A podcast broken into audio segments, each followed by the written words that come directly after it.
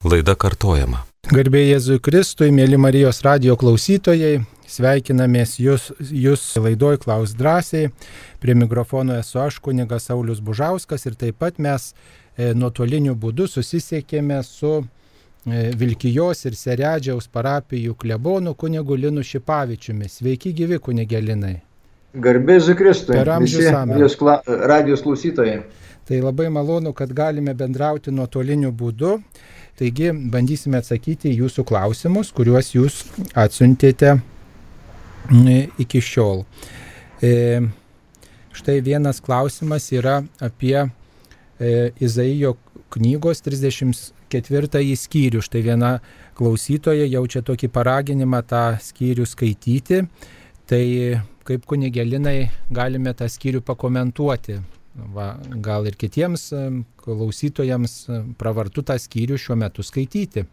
Jeigu tikrai kalbame mes apie 34 skyrių Izaijo, o ne Ezachielio, nes šiaip dauguma tai toksai jau populiarus skyrius yra Sename testamente pranašas Ezachielis, 34 skyrius.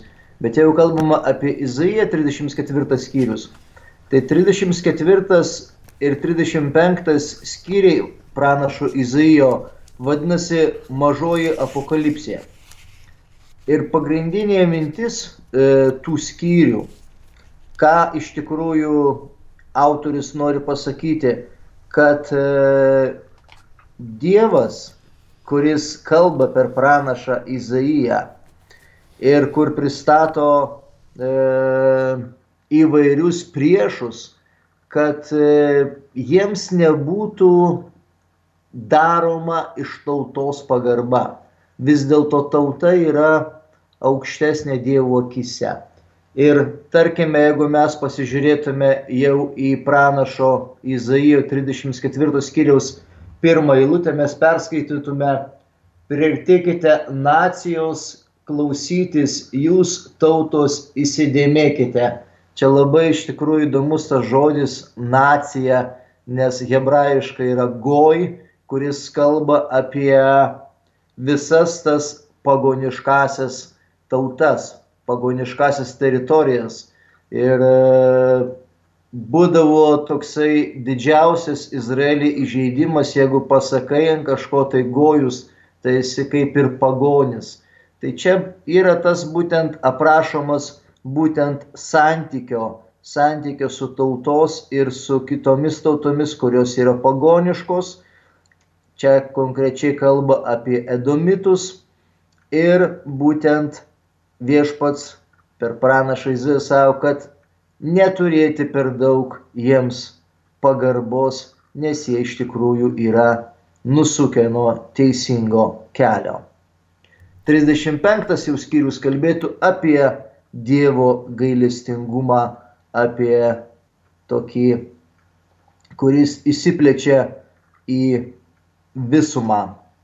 Taip, tai ačiū už trumpą komentarą.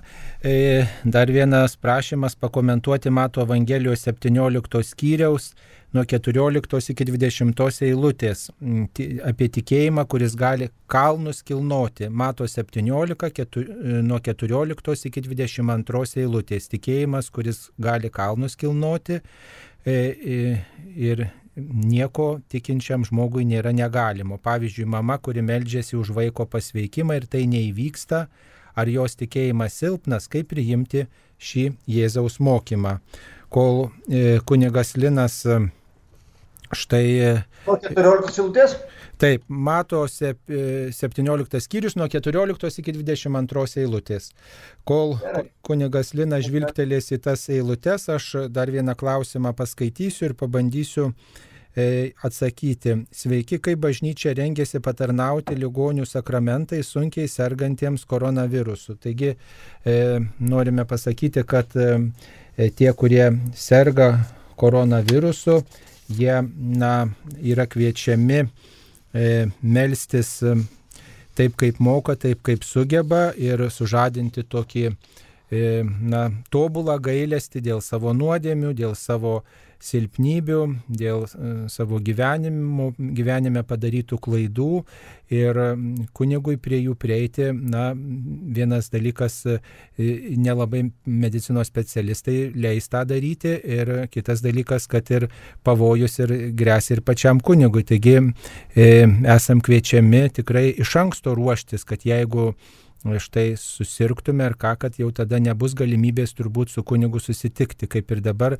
tos galimybės yra pribotos, taigi esam kviečiami jau dabar iš anksto, na, pasiruošti tą tai akimirkai, kuri galbūt gali užklupti. Ir dėl to esam kviečiami, na, gailėtis dėl savo nuodėmių, melstis. Ir štai jeigu užkluptų tą valandėlį, kai būsim izoliuoti, kai, kai galės tik tai medikai su specialia apranga prie mūsų prieiti, e, na, tuomet jau kaip įmanoma būsim pasiruošę ir visą visą savo gyvenimą sudėję į viešpaties rankas. Taigi e, taip trumpai pakomentuotume. Dabar kunigelinai gal galite pakomentuoti Mato Evangelijos 17, 17 skyrių. E, čia yra kalbama apie berniuko išgydymą. Mato 17 skyrius nuo 14 eilutės. Kalba apie tai ir Morkus, ir būtent Lukas. Jiems atėjus prie minios prisertino vienas vyras, puolė prieš Jėzų ant kelių ir maldavo viešpatie, pasigailėk mano sūnaus. Jis per miegus vaikščio ir labai kankinasi. Neretai jis įpuola į ugnį arba į vandenį. Aš atvežiau jį pas tavo mokinius, bet jie neįstengė išgydyti. Tada Jėzus atsakė, o netikinti ir sugedusi giminė iki kol man reikės su jumis būti. Kiek ilgai jūs kesti? Atveskite jį čia pas mane. Jėzus sudraudė demoną, jisai išėjo ir tą pačią akimirką berniukas pasveiko.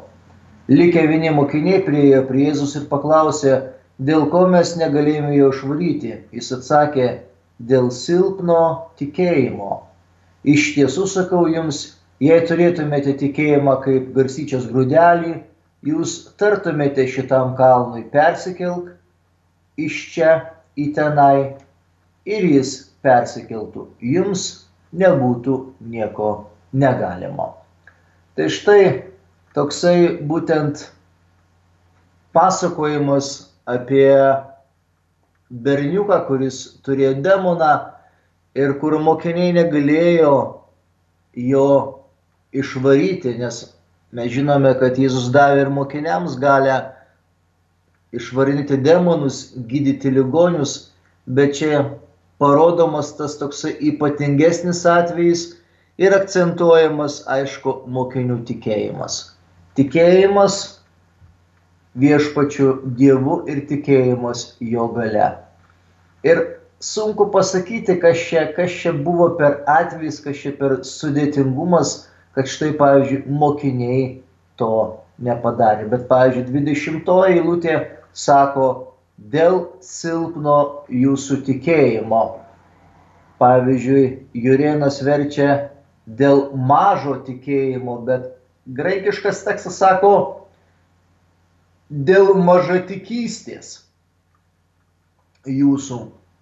Tai čia iš tikrųjų inspiracija tokiam kiekvienam turbūt tikinčiam, kad mūsų tikėjimui nu, nėra ribų, mes turime visą gyvenimą auginti savo tikėjimą.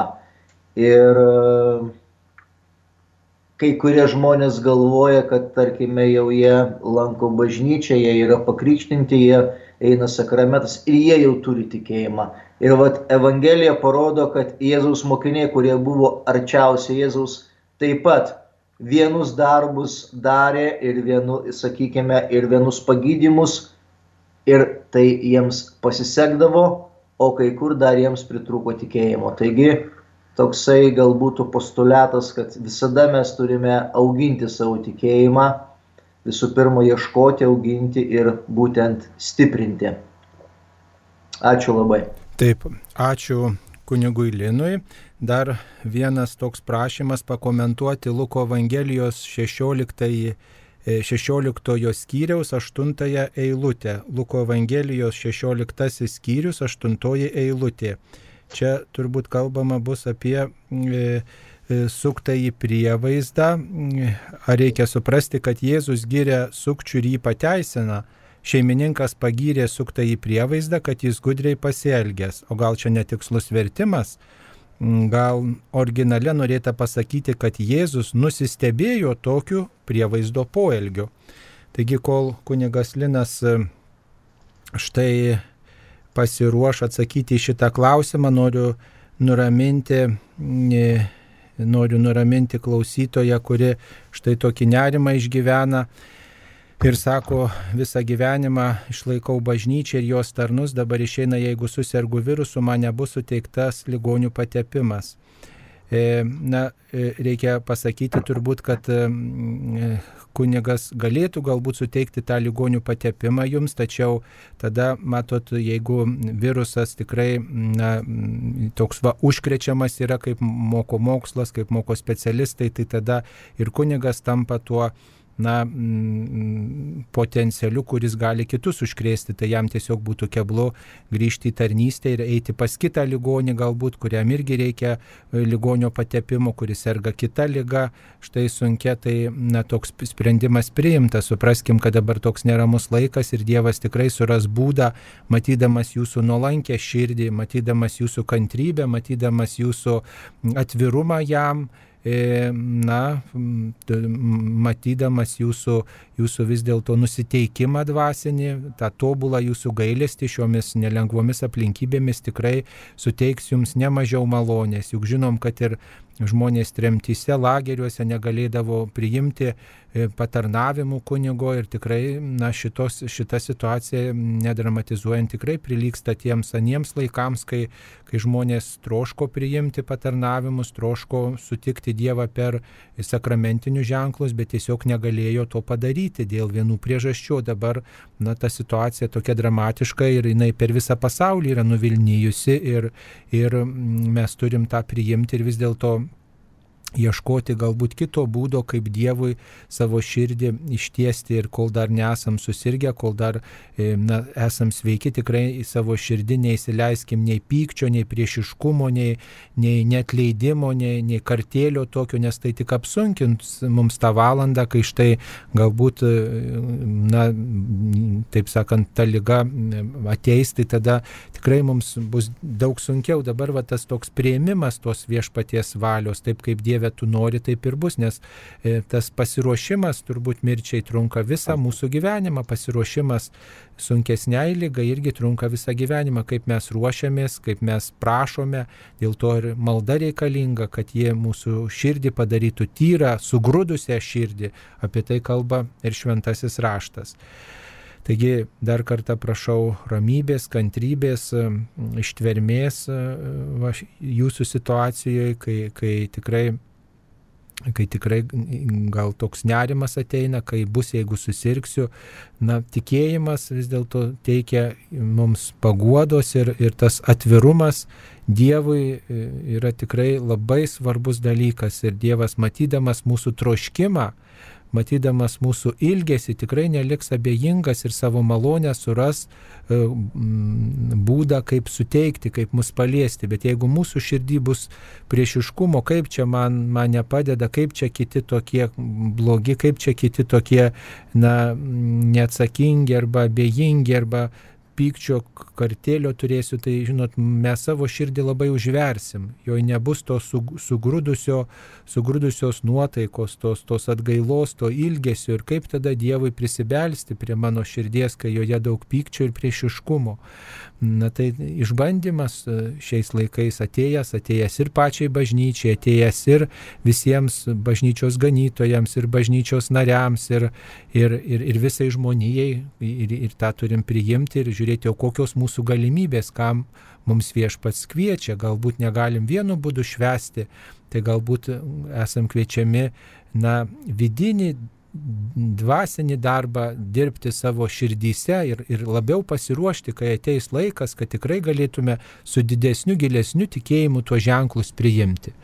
Taip, kunigė, tikriausiai jūs esate jau pasiruošęs ir galite dabar pakomentuoti Luko Evangelijos 16 skyriaus 8 eilutę. E, čia iš tikrųjų šitas pasakojimas apie apsukrųjį prievaizdą arba palyginimas apie gudrų ūkvedį, jisai yra tik tai Luko Evangelijoje. Kai kurie, pavyzdžiui, fragmentai, kai kurie yra pasakojimai, e, tik tai, sakykime, vienoje Evangelijoje. Ir, ir Lukas pasireiškia dažnai tuo, kad pas jį tam tikri yra parašyti pasakojimai tik tai jo Evangelijoje. Ir šitas pasakojimas būtent yra tik tai Luko Evangelijos kūrinys. Mes neturime nei, pavyzdžiui, pas Morkų, neturime nei pas Joną, nei pas uh, Matą. Ir čia iš tikrųjų Lukas mėgsta uh, pirmoje eilutėje paslėpti tą visą pasakojimo įvykį arba tą pasakojimo esmę. Kaip pavyzdžiui yra ir apie sūnų palaidūną. Ar ne? Nes 15 e, skyrius. Taip pat ten yra tas pati esmė, ta, ta pati konsencija pačioj pirmoji lūtėje. Jėzus pasakė palyginimą tiems, kurie save vertino, o kitus laikė niekais. Tai čia va irgi mes pasižiūrėkime į tą pirmąją eilutę. Paskui Jėzus kalbėjo savo mokiniams. Buvo vienas turtingas žmogus. Jis turėjo prievaizdą tas buvo jam apskūstas, esą eikvojęs jo turtą. Ir va štai labai iš tikrųjų yra charakteringas žodis, kuris kalba apie tą pas įskundimą. Nes lietuviškas žodis nieko nepasako, ką reiškia, pavyzdžiui, graikiškas žodis diabalio iš šito veiksmažo diebalio yra kilęs žodis velnės. Tai jeigu mes paimtume taip jau truputėlį švelniau, tai mes galėtume pasakyti, kad jisai buvo apšmeištas. Nebuvo apskusas arba, arba ten kažkas tai, bet tai yra negatyvu. Bet galima netgi tai pažodžiui pasakyti, kad tai buvo apvelnintas, jeigu tokį mes turėtume gražų veiksmažodį. Tai reiškia jau pirmoje eilutėje parodoma, kad e, ryšim su tuo tarnu arba ryšim su tuo prievaizdu buvo padaryta neteisybė, nes jisai buvo apšmeištas, neteisingai buvo apšmeištas. Ir kas įdomiausia, tarkime, netgi tas graikiškas žodis prievaizdas, oikonomos, ne tik tai reiškia prievaizdas, ne tik tai reiškia kažkoksai tai, bet gali būti taip pat ir pašvestas asmuo. Ir čia labai iš tikrųjų įdomus tada niuansas yra, nes tarkime, Evangelija atsiranda pirmoje bažnyčioje. Evangelija, Evangelija auga pirmoje toje bažnyčioje. Ir gali būti taip, kad, tarkime, ir pirmoje bažnyčioje buvo apkaltinti arba apšmeišti neteisingai dvasininkai, Ir šitoje vat vietoje galim mes jausti truputėlį tą tos pirmos bažnyčios, tą kovą su, su neteisingais sprendimais, neteisingais e, kaltinimais. Ir mes matome, kad iš tikrųjų gali būti čia tas turtingas žmogus, gali būti ir vyskupas, gali būti ir Dievas, čia mes jau galime interpretuoti ir taip, ir taip, bet mes matome, kad tas e, turtingas žmogus arba savininkas, jisai iki galo visą įsprendžia situaciją. Ir tą žmogų, tą apskūstą neteisingai žmogų iš tikrųjų jisai išteisina. Ta žmogus, aišku, stengiasi kažkaip tai e, turėti santykių arba pritapti prie žmonių, nes sako, jeigu mes skaitytume jau nuo penktos eilutės, jis pasikvietė po vieną savo šeimininko skolininkus ir klausė pirmąjį, kiek tu skolingas mano šeimininkui. Šis atsakė šimtas statinių aliejaus. Tada jis tarė, imk savo skolos raštas, sėsk ir toj pat rašyk. 50. Paskui klausė kitą, kiek tu skolingas? Anas atsakė, šimtas vaikų kviečių. Jis tarė, imk skolos raštą ir rašyk 80. Irgi čia yra tokia pilna, pilna teksto simbolika. Šimtas, jeigu dalinti šimtą iš dešimt, gaunasi dešimt, tai yra dekalogas. jeigu imti, sakykime, 80, čia kalbama apie, apie kviečių saikų, mes dalinam iš dviejų gaunasi 40, tai yra žmogaus gyvenimo, gyvenimo amžius. Jeigu mes paimtum 100 statinio lėjaus, tai yra 150 alyvmedžių, yra kaina apie 1000 denarų, taigi žmogaus darbas yra apie 2 metus 7 mėnesiai. Jeigu mes imtume kviečius, 100 saikų kviečių yra 2500 denarų. E, tie santykiai tokie yra parodomi dideli, bet tie santykiai arba tos to visi skaičiai, jie iš tikrųjų slepia po savį simboliką. Simbolika tai reiškia, kad jeigu yra žmogaus gyvenimo amžius 40 ir jeigu yra 10 dievų sakymų dekalogas, tai yra svarbiausia. Žmog, žmogaus didžiausia yra vertybė tai jo yra gyvenimas, šitas žemiškas gyvenimas, nes mes dabar gyvename žemišką gyvenimą. Ir antra vertybė yra didžiausia, tai yra dievų įsakymas. Dekalogas - dešimt dievų įsakymų. Tai tas asmuo, kuris buvo neteisingai apšmeištas arba apvelintas, jisai iš tikrųjų savo gyvenime vertino savo gyvybę ir vertino dieviškus įsakymus. Ir paskui, kada buvo apšmeišęs, jisai stengiasi atitaisyti tą galbūt šmeištą, tą neteisybę ir turtingas žmogus, bet mes galime interpretuoti, ar tai viešpats Dievas, ar tai gali būti ir bažnyčios vadovas, tą išvelgė. Ir žmogų paskui vėlgi suteikė tai, kas, kas buvo prarasta. Taip, ačiū e, už Jūsų atsakymą. Dabar dar viena žinutė. Norėčiau paklausti, ar mums buvo atleistos visos net ir sunkios nuodėmės.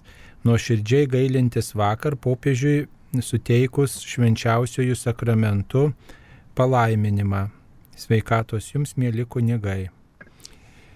Štai apie vakarykštį palaiminimą Urbė Torbi, ką kunigė galėtumėt pasakyti? Na šiaip e, nuodėmės yra atleidžiamos, kada žmogus eina asmeninės išpažinties. E, kada yra, tarkime, kažkokia tai stichinė nelaimė, kaip, kaip pavyzdys buvo skendo laivas Titanikas ar ne, tada jau kunigas negalėjo priimti kiekvieno žmogaus išpažinties ir tada jau davė tą absoliuciją arba nuodėmį išrišimą jau visiems bet tai yra mirties atveju. Jeigu nėra mirties atveju, tuomet išpažintis e, galioja arba išpažinčiai galima atlikti tik tai asmeniškai su kunigu akis į akį. Kaip tokios išpažinties, kad, kad aš pavyzdžiui tai negirdėjęs, kad pavyzdžiui popiežius per televizorių galėtų duoti už visiems žmonėms e, nuodėmį išrišimą arba atleidimą, Tai Reikia, pa, taip, reikia, reikia pasakyti, kad visuotinių, e, visuotinių atlaidų suteikimas nuodėmių neatleidžia, e, bet e, tai yra nuodėmių pasiekmių išdildymas ir vis tiek lieka e, tas įsipareigo, įpareigojimas, e, kad tie atleidai galiotų, kad mūsų nuodėmių pasiekmės būtų išdildytos, vis tiek lieka tas įpareigojimas vis dėlto na, pasiryšti, dabar šiuo momentu pasiryšti, atlikti išpažinti, kai tik tai galėsiu, kai tik tai bus galimybė, atliksiu išpažinti, priimsiu šventą komuniją, tikrai viešpatie trokštų palikti savo nuodėmės, trokštų keistis ir kai tik tai sąlygos leis, priimsiu susitikimą susitaikinimo sakramentą ir švenčiausiąją komuniją, švent, švenčiausiai sakramentą, dalyvausiu mišiuose, tik tai tuo metu tie visuotiniai atlaidai, kaip sakant, jie turi ta, visas tokią galę ir malonę, jeigu aš va štai tas sąlygas įvykdau, pasimeldžiu švento tėvo intenciją už tai, kas rūpi popiežiui. Tai Tokiu atveju tie visuotiniai atlaidai na, suteikia visą tą savo malonės platumą, nes priešingų atveju, jeigu aš taip pažiūrėjau, persižegnojau, nuvaliau, čia dabar viskas atleista, man galiu gyventi kaip noriu toliau, tai tikrai tada na, toks lengvabudiškumas ir, ir ir nepriimama nei tas atleidimas, nei ta Dievo malonė, bet yra toks atsainumas, abejingumas. Popiežius palaimino, kreipėsi į mus, e, adoracija vyko e, tam, kad mūsų tikėjimą sustiprintų, tam, kad paskatintų mūsų troškimą vis dėlto nusigręžti nuo nuodėmės, nuo blogio ir pasiruošti na, išbandymui, kuris, e, kuris štai galbūt na, gali mus ištikti dar koks, koks sunkumas ar neramumas, nežinia, kas laukia mūsų mūsų ryt, bet tai yra sustiprinimas tam, kad mūsų pasiryžimą, mūsų tą vidinę atgailą sustiprintų. Mes per daug kartais susikoncentruojame į tuos regimus ženklus, bet štai dabar tokia galimybė yra mums atlikti tą vidinę atgailą, vidinį tokį e, susitelkimą ir, ir pasiryžimą vengti mažų ir didelių nuodėmių. Tai taip atsakytume. Dar vieną vienas klausytojas mums atsiuntė tokią žinutę su prašymu e, pakomentuoti teisėjų knygos 11 skyrių nuo 29 iki 40 eilutės. Teisėjų knyga 11 e, skyrius nuo 29 iki 40 eilutės. Kaip ta situacija ten buvo išspręsta, klausia klausytojas. 11. 11 skyrius nuo 29 iki 40 eilutės. Taigi, kas e, turit namuose šventą įraštą, netoliese atsiverskite, perskaitysite ir tada lengviau suprasite ir kunigo komentarą. Teisėjų knygos 11 skyrius 29-40 eilutės. O kol kunigas štai pasiruoš, Dar į vieną klausimą aš pabandysiu atsakyti. Kodėl nesigirdėjo Marijos radio naktį iki pačios laidos Rokiškyje? Na, negaliu to pasakyti. Mm, kartais būna tokie trikdžiai. Tikrai Marijos radijas nedaro nieko, kad kad laidos nesigirdėtų, kaip tik tai stengiamės, kad girdėtųsi tos laidos. Galbūt jūsų radio imtuvas, na, bangos buvo, taip sakant, netaip nureguliuotos ar panašiai. Kodėl Lietuvos Marijos radijas nekalba popiežiaus kvietimu visame pasaulyje už sergančius, kad kad lyga prapultų.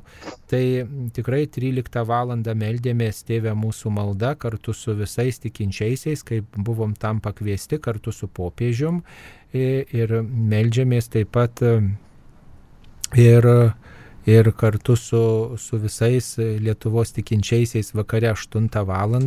į Šventąjį Juozapą.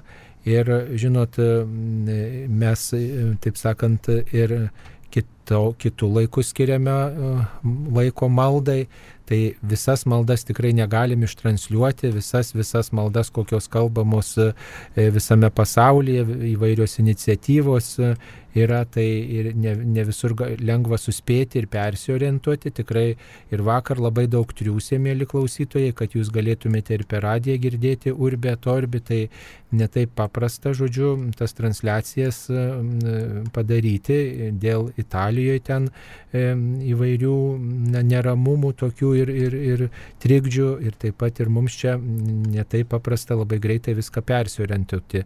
Bet tikrai stengiamės į tas pagrindinės maldas e, jungtis, kaip ir vakar tą darėm, kaip ir 13 val. meldėmės, kaip ir prieškimo dieną taip pat e, na, transliavome štai popiežiaus žinę.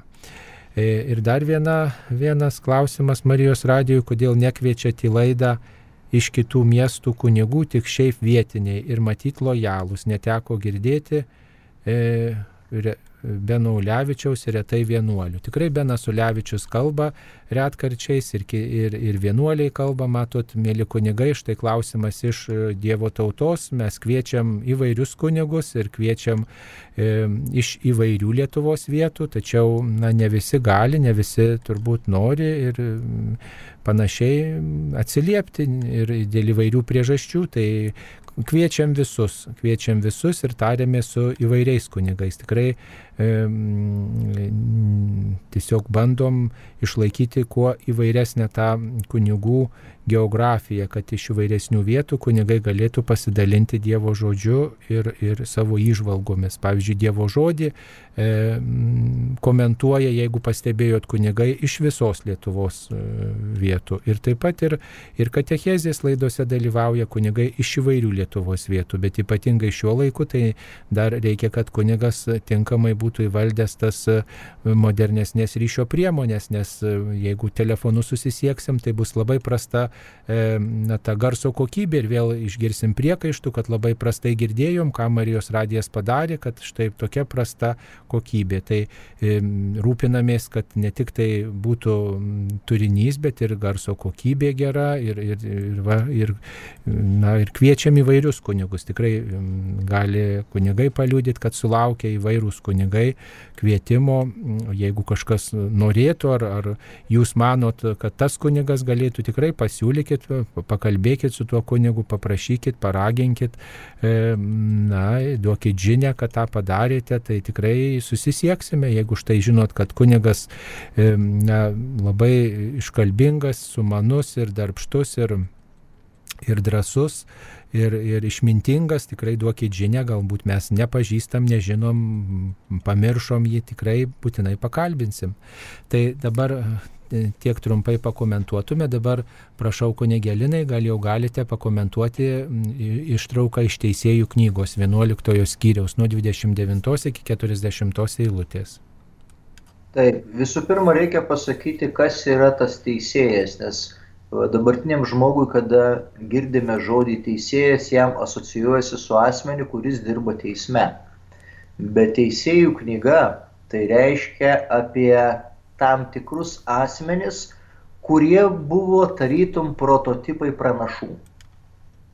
Po teisėjų jau atsiranda pranašai. Pirmas pranašas, e, kuris jau aprašomas šventame rašte, tai yra Samuelis, bet jisai ir buvo teisėjas, ir jisai buvo pranašas. E, tai ir kunigas, suprantate. Tai, tai tas dalykas tai parodo, kad iš tikrųjų Izraelio tauta, jinai auga ir iš karto neatsiranda e, institucija arba neatsiranda kažkoksai tai pašaukimo forma. Teisėjų knyga yra pati sen, datuojama, kad pati seniausia kaip užrašyta, kažkur tai apie 12, apie 10 amžius prieš Kristų yra tam tikros datos. Taigi tai yra asmo, kuris iš vienos pusės yra išrinktas viešpaties Dievo vykdyti tam tikrą misiją tautoje. Ir 11 skyrius kalba apie teisėją, dabar mūsų vertimas jį išvertęs Jiftachas, bet iš tikrųjų mes įpratę seniai, kad tai yra pranašas Jeftė. Ir situacija yra tokia, kad Jeftė kovoja su amoniečiais. 29 eilutė viešpatės dvasia apėmė Iftaką, jis žygiavo per Gileadą ir Manasą ir pasiekė Mitspę Gileadą. Nuo Mitspę Gileado jis sėlino prie Amono. Iftakas padarė įžadą viešpačiui. Jei duosi man į rankas Amoną, sakė jis, kas išeis pro mano namų duris manęs pasitikti, man grįžtant su pergalė prieš Amoną, tas priklausys viešpačiui. Čia iš tikrųjų yra labai įdomus dalykas. E, teisėjas Jeftė, mes galime taip jį vadinti, duoda viešpačių įžadą arba viešpačių pažadą, kad viešpatė, jeigu aš laimėsiu mūšį, jeigu aš laimėsiu karą prieš amoniečius, aš paukosiu tą asmenį, kas mane pirmas išeis pasveikinti po mūšio. Ir skaitant turinį toliau, mes sutinkame, kad išeina jo pasitikti jo dukra. Ir mes galime pasižiūrėti, paslinkti toliau tekstą. Ir mes tai sutiksime.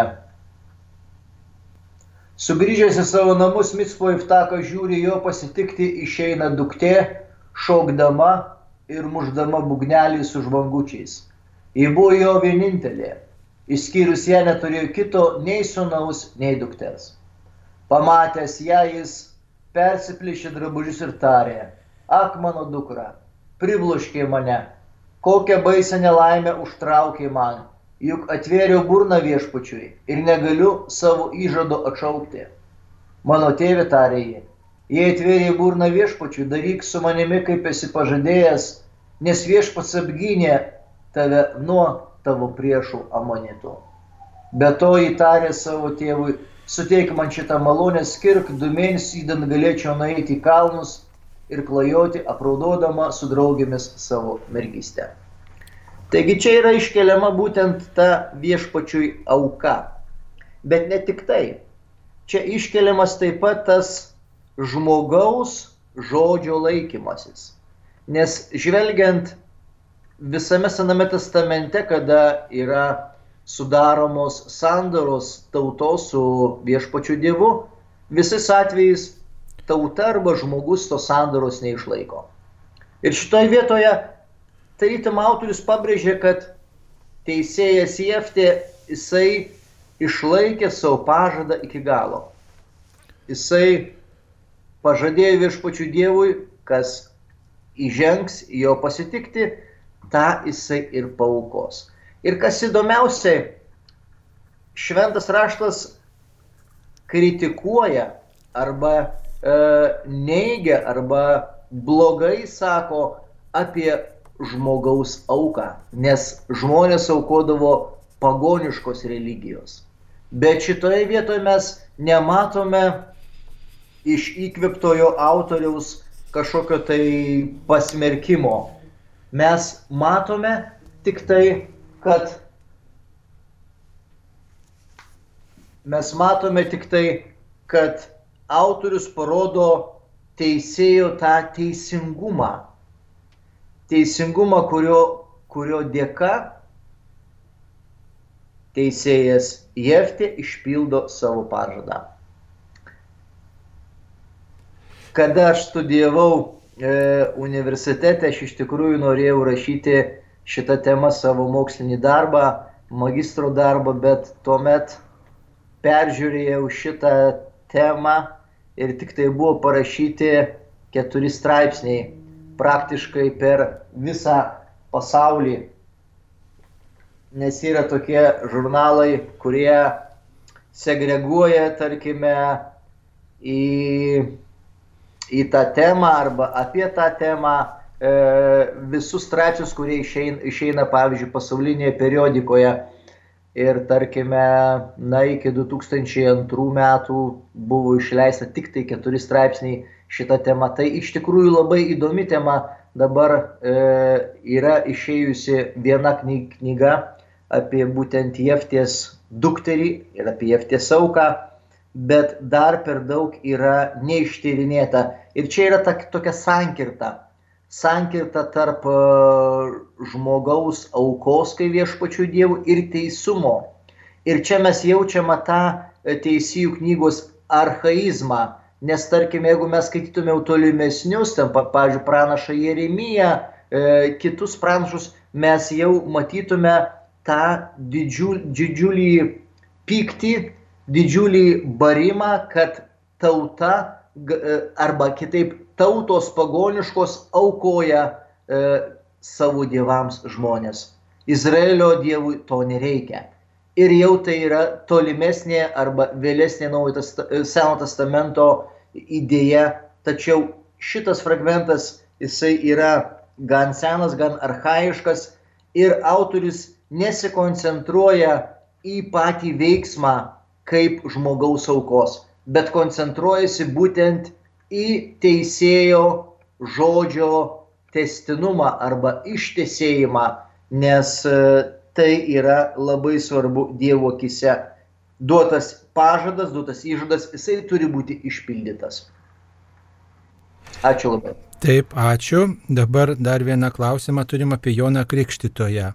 E, žydas e, Jonas Krikštytojas ir Jėzus buvo jau pakrikštyti, apipjaustyti. Krikščionybės dar nebuvo. Tai į ką krikštijo Jėzų? Štai toks klausimas. Kaip atsakytume? Taip, e, čia tas, tarkime, terminas krikštas, jisai yra jau bažnyčios, jau jisai sudarytas. Kada, kada buvo Jėzus, kada buvo Jonas Krikščitojas, ten yra kalbama apie tuos e, ritualinius, liturginius apsiplovimus. Ypatingai mes skaitome Seną testamentą, tenai yra daug tų apsiplovimų. Ir Jonas, kuris savo veiklą vykdė šalia Jordano upės, tai buvo, mes sakome, kabutėse krikštas nuodėmėms, e, nuodėmėms atleisti arba pakeisti savo gyvenimo mąstyseną ir išpažinti savo nuodėmės. Taigi Jonas Krikštas kalbėjo apie du momentus. Pirmas momentas yra būtent e, išpažinti nuodėmės ir antras momentas daryti savo gyvenimo atsivertimą. Bet netgi ten greikų kalboje galima versti viešai buvo daromas tas nuodėmių užpažinimas. Taigi visų pirma, tai galima sakyti, kad buvo grįžimas į viešpaties kelią. Ir labai didelė ten žaidžiama simbolika, nes Jonas Krikštojas tai darė dykumoje ir prie Jordano upės. Dykuma tai yra būtent e, Biblijoje kalbama, tai yra santykis arba susitikimas su viešpačiu Dievu, o Jordano upė tai yra perėjimas į pažadytą žemę arba įžengimas į pažadėtąją žemę. Tai reiškia, Jonas Krikštojas, kada kvietė tautą tam nuodėmių atsivertimui, tai jisai traukė į dykumą, tai reiškia traukė į santykių su viešpačiu Dievu. Ir kitas dalykas, tas panardinimas į Jordano upę reiškia, kad tos žmonės, tos tikinčiuosius dar kartą tarytum įvedė į pažadėtąją žemę. Jėzaus krikštas, e, kada jisai ateina pas Joną krikštytis, čia irgi tokios didelis diskusijos, ar reikėjo Jėzui taip pat pas Joną krikštytis ar nereikėjo, bet tai irgi yra e, teologiškai parodoma, kad Jėzus rodo tikintiesiems kelią ir Jėzus yra tas, kuris taip pat turi tą žmogiškąją prigimtį, jisai turi žmogaus, žmogaus kūną ir dėl to jisai ateina taip pat kaip ir visi ir seka Jono pavyzdžio. Kitaip sakant, tas Jono krikštas yra na, atsivertimo krikštas ir tas taip. Jėzus krikštyjasi todėl, kad yra solidarus su mumis žmonėmis ir trokšta taip pat na, prisijimti visas mūsų nuodėmių pasiekmes, visą nuodėmę, kurią mes padarėm. Jam tas krikštas nebūtinas, bet jis yra solidarus su mumis ir vis, visą mūsų dalę prisijima o Jonas Krikštytojas tai nebuvo pakrikštytas apipjaustimas, tai buvo daromas tam, kad e, štai ženklas e, vyro kūne, kad jis priklauso štai išrinktai tautai, žydų tautai ir tai skyrė žydų tautą nuo kitų tautų. Tai, va, tai nėra krikšto krikšto ženklas, e, tai yra senosios sandoro ženklas. Taip atsakytume. Dabar m, dar vienas čia pasiteiravimas, ar per Marijos radiją bus pakartotas popiežiaus Pranciškaus Urbeto arbi įrašas. Urbeto arbi įrašas yra m, e, archyve, galima jį pasižiūrėti per kompiuterį. E, taip, dabar e, dar e, viena žinutė apie skrupulus kaip atskirti skrupulus, e, e, juos e, jie štai mane kamuoja, kaip juos atskirti nuo pamastymų ir minčių. Kaip atsakytume, skrupulai. Na tai skrupulai yra toksai padidintas gal kalties jautimas, savęs kaltinimas, nuolatinis toks savęs graužimas ir, ir matymas nuodėmės ten, kur e, sunkios nuodėmės, kur yra gal tik lengva, arba matymas lengvos nuodėmės, kur jos visai nėra. Tai, e, na, reikėtų tiesiog gal paskambinti kunigui ir, ir, ir tiesiog va, pasikalbėti, galbūt ko, e, na, plačiau šiek tiek, žinot, asmeniškai žmogus, kai kalba, kad ir telefonu, tai nebus bus išpažintis, e, bet pakalbėti tai tiesiog toks pokalbis ir, ir galima tada, na, truputį e, labiau pasiaiškinti. Šiaip bendra taisyklė tokia yra, kad vis tiek prisiminti, kad Dievas yra didesnis net už mano pačias sunkesias nuodėmės, už pačias didžiasias nuodėmės Dievo gailestingumas yra didesnis. Ir jeigu jau aš išpažinau, arba jeigu aš dabar negaliu išpažinti, bet gailiuosi, tikrai trokštų iš jų kilti, tai Dievui to pakanka, kad jis tikrai siūstų ramybę, paguodą ir dovanotų gailestingumą e, lemiamą akimirką. Štai. Ir, ir jūsų tas, ta malda tiesiog, arba tas pasirinkimas viešpatie, tavim tikiu, tu esi didesnis, duok man ramybę, suteik man paguodą, tikrai ta malda tokia ji, ji na, atveria jūsų širdį Dievo artumui ir jūs turėtų iš tų skrupulų vaduotis. Tiesiog prisiminkit ne tiek savo nuodėmės, prisiminkit, ką gerą jūs iš Dievo patyrėt, ką patyrėt iš kitų žmonių. Matot, mes savo mintis galime vairuoti, jos yra kaip dviratis e, mūsų mintis, kurias mes kreipiam į vieną ar į kitą pusę. Ir jeigu, pavyzdžiui, kamuoja kokia mintis įkyri, kuri netinkama yra arba kuri veda į nuodėmę, tai yra toks būdas dvasinis, ne, pasirinkti galvoti kažką kitą, kažkokią kitą ryškę patirtį, prisiminti iš kitų sričių, štai prisiminti savo pomėgį, kurį jūs turėjot, prisiminti žmonės, kuriuos jūs sutikot nepaprastai gerus, prisiminti tas šviesias akimirkas, maldos akimirkas, kurias na, patyrėte, kuriuose patyrėte Dievo artumą ir tas na, tokias iškilės jūsų gyvenimo patirtis. Iš karto mūsų mintis, mūsų dėmesys krypsta ne prie nuodėmės, ne prie pagundos, ne prie blogio, ne prie kaltinimų, bet krypsta mūsų mintis e, prie gerų dalykų, prie darybės, prie, prie tikėjimo, prie vilties, prie artimo meilės. Tokiu būdu mes atitolstam nuo, nuo tų skrupulų, kurie, kurie vargina, arba nuo pagundos, kuri štai čia pat kėsinasi. Nebent kunigė kažką dar pridėsite. Ne, nieko, ačiū labai. Gerai, tai dabar toliau štai e, dar tokia žinutė. Kai Jėzus nešė kryžių, paskui jį sekė motina švenčiausioji Marija. O kur buvo šventas Juozapas? Na, tai Juozapas tikriausiai jau buvo miręs pagal tradiciją. Šventas raštas apie tai nieko nesako, tačiau tradicija moko, kad, e, na, Juozapas štai buvo miręs tuo metu, kai Jėzus e, jau nešė kryžių ir pasitiko savo mirtį. Tai jau Juozapas buvo seniai miręs. Na, bent ką papildysit. Na, Biblija nekalba apie tai, tai mes tik tai turime tą informaciją iš tradicijos kad Jozapas e, anksčiau mirė negu, negu buvo šita visas aprašyta scena. Ir dėl to, ir dėl to mes neturime apie Jozapą iš vis labai yra mažai žinių, kelet, keletas fragmentų, kurie kalba tik tai apie šventą Jozapą ir autorius paskui tarytum jį paslėpia nuo skaitytojo, klausytojo ir jisai tampa jau mums toksai nežinomas, mislingas, enigmatiškas. Bet Jozapas atliko tai, kas buvo svarbiausia, jisai suteikė Jėzui vardą. Tai yra kiekvieno to žemiško tėvo misija. Taip. Ir ten turbūt labiau, labiau yra kalbama apie tą, sakykime, tas paskutinės valandas Jėzaus žemiško gyvenimo. Tai yra parodomas tas toksai, nu, santykis ne tik tai to tokio žmogaus, bet ir jau, jau, jau gimstančios bažnyčios. Jau galima žvelgti ir egleziologinius tuos tokius ištakas. Taip, Juozapo, Juozapo ne, nebuvo ir mes tiesiog daugiau nieko negalim pasakyti apie tai. Dabar e, dar viena žinutė. Daugelis istorijų, pavyzdžiui, Tvano istorija ir kitos jau buvo prašytos kaimininių žydams tautų ar šventasis raštas nėra senovės žydų etnografinis kūrinys? Reikia pasakyti tokį dalyką, kad tarkime,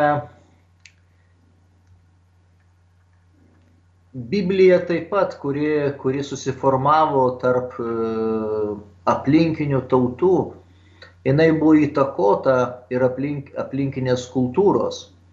Ir autorius, kuris e, bandė perteikti pačioje pradžioje žodžiu, paskui raštu tam tikrą pasakojimą, tam tikrą idėją, tam tikrą kažkokią tai žinę, jisai stengiasi naudotis įvairi, įvairiais, įvairiomis formomis, įvairiausiais būdais, ir tarkime tas tvanas arba pasaulio, pasaulio tas skendimas, jisai buvo pasinaudos iš Babilonijos. E, taip pat, pavyzdžiui, pirmas sukūrimas, kuris e, pradžios knygoje, e, pirmas skyrius taip pat yra jau pasisemta iš, iš, iš kitų kultūrų, bet tai autoris tik tai paima tam tikrą elementą, bet paskui jisai perdirba į tai, ką jisai nori pasakyti. Ir tai tuomet gauna, gaunasi tas literatūrinis e, šventraščio žanras. E, daugelis švento rašto vietų yra, turi sąsajų su kitomis kultūromis, su kitais pasakojimais, su kitais įvykiais, nes tai yra žmonių kalba. Ir kas funkcionavo, tarkime, Jėzaus, pavyzdžiui, pasakojimuose arba palyginimuose, tai yra būtent aplinka žemdirbių, aplinka paprasto žmogaus. Ir Evangelija, kaip suprantama, buvo nukreipta į paprastą žmogų.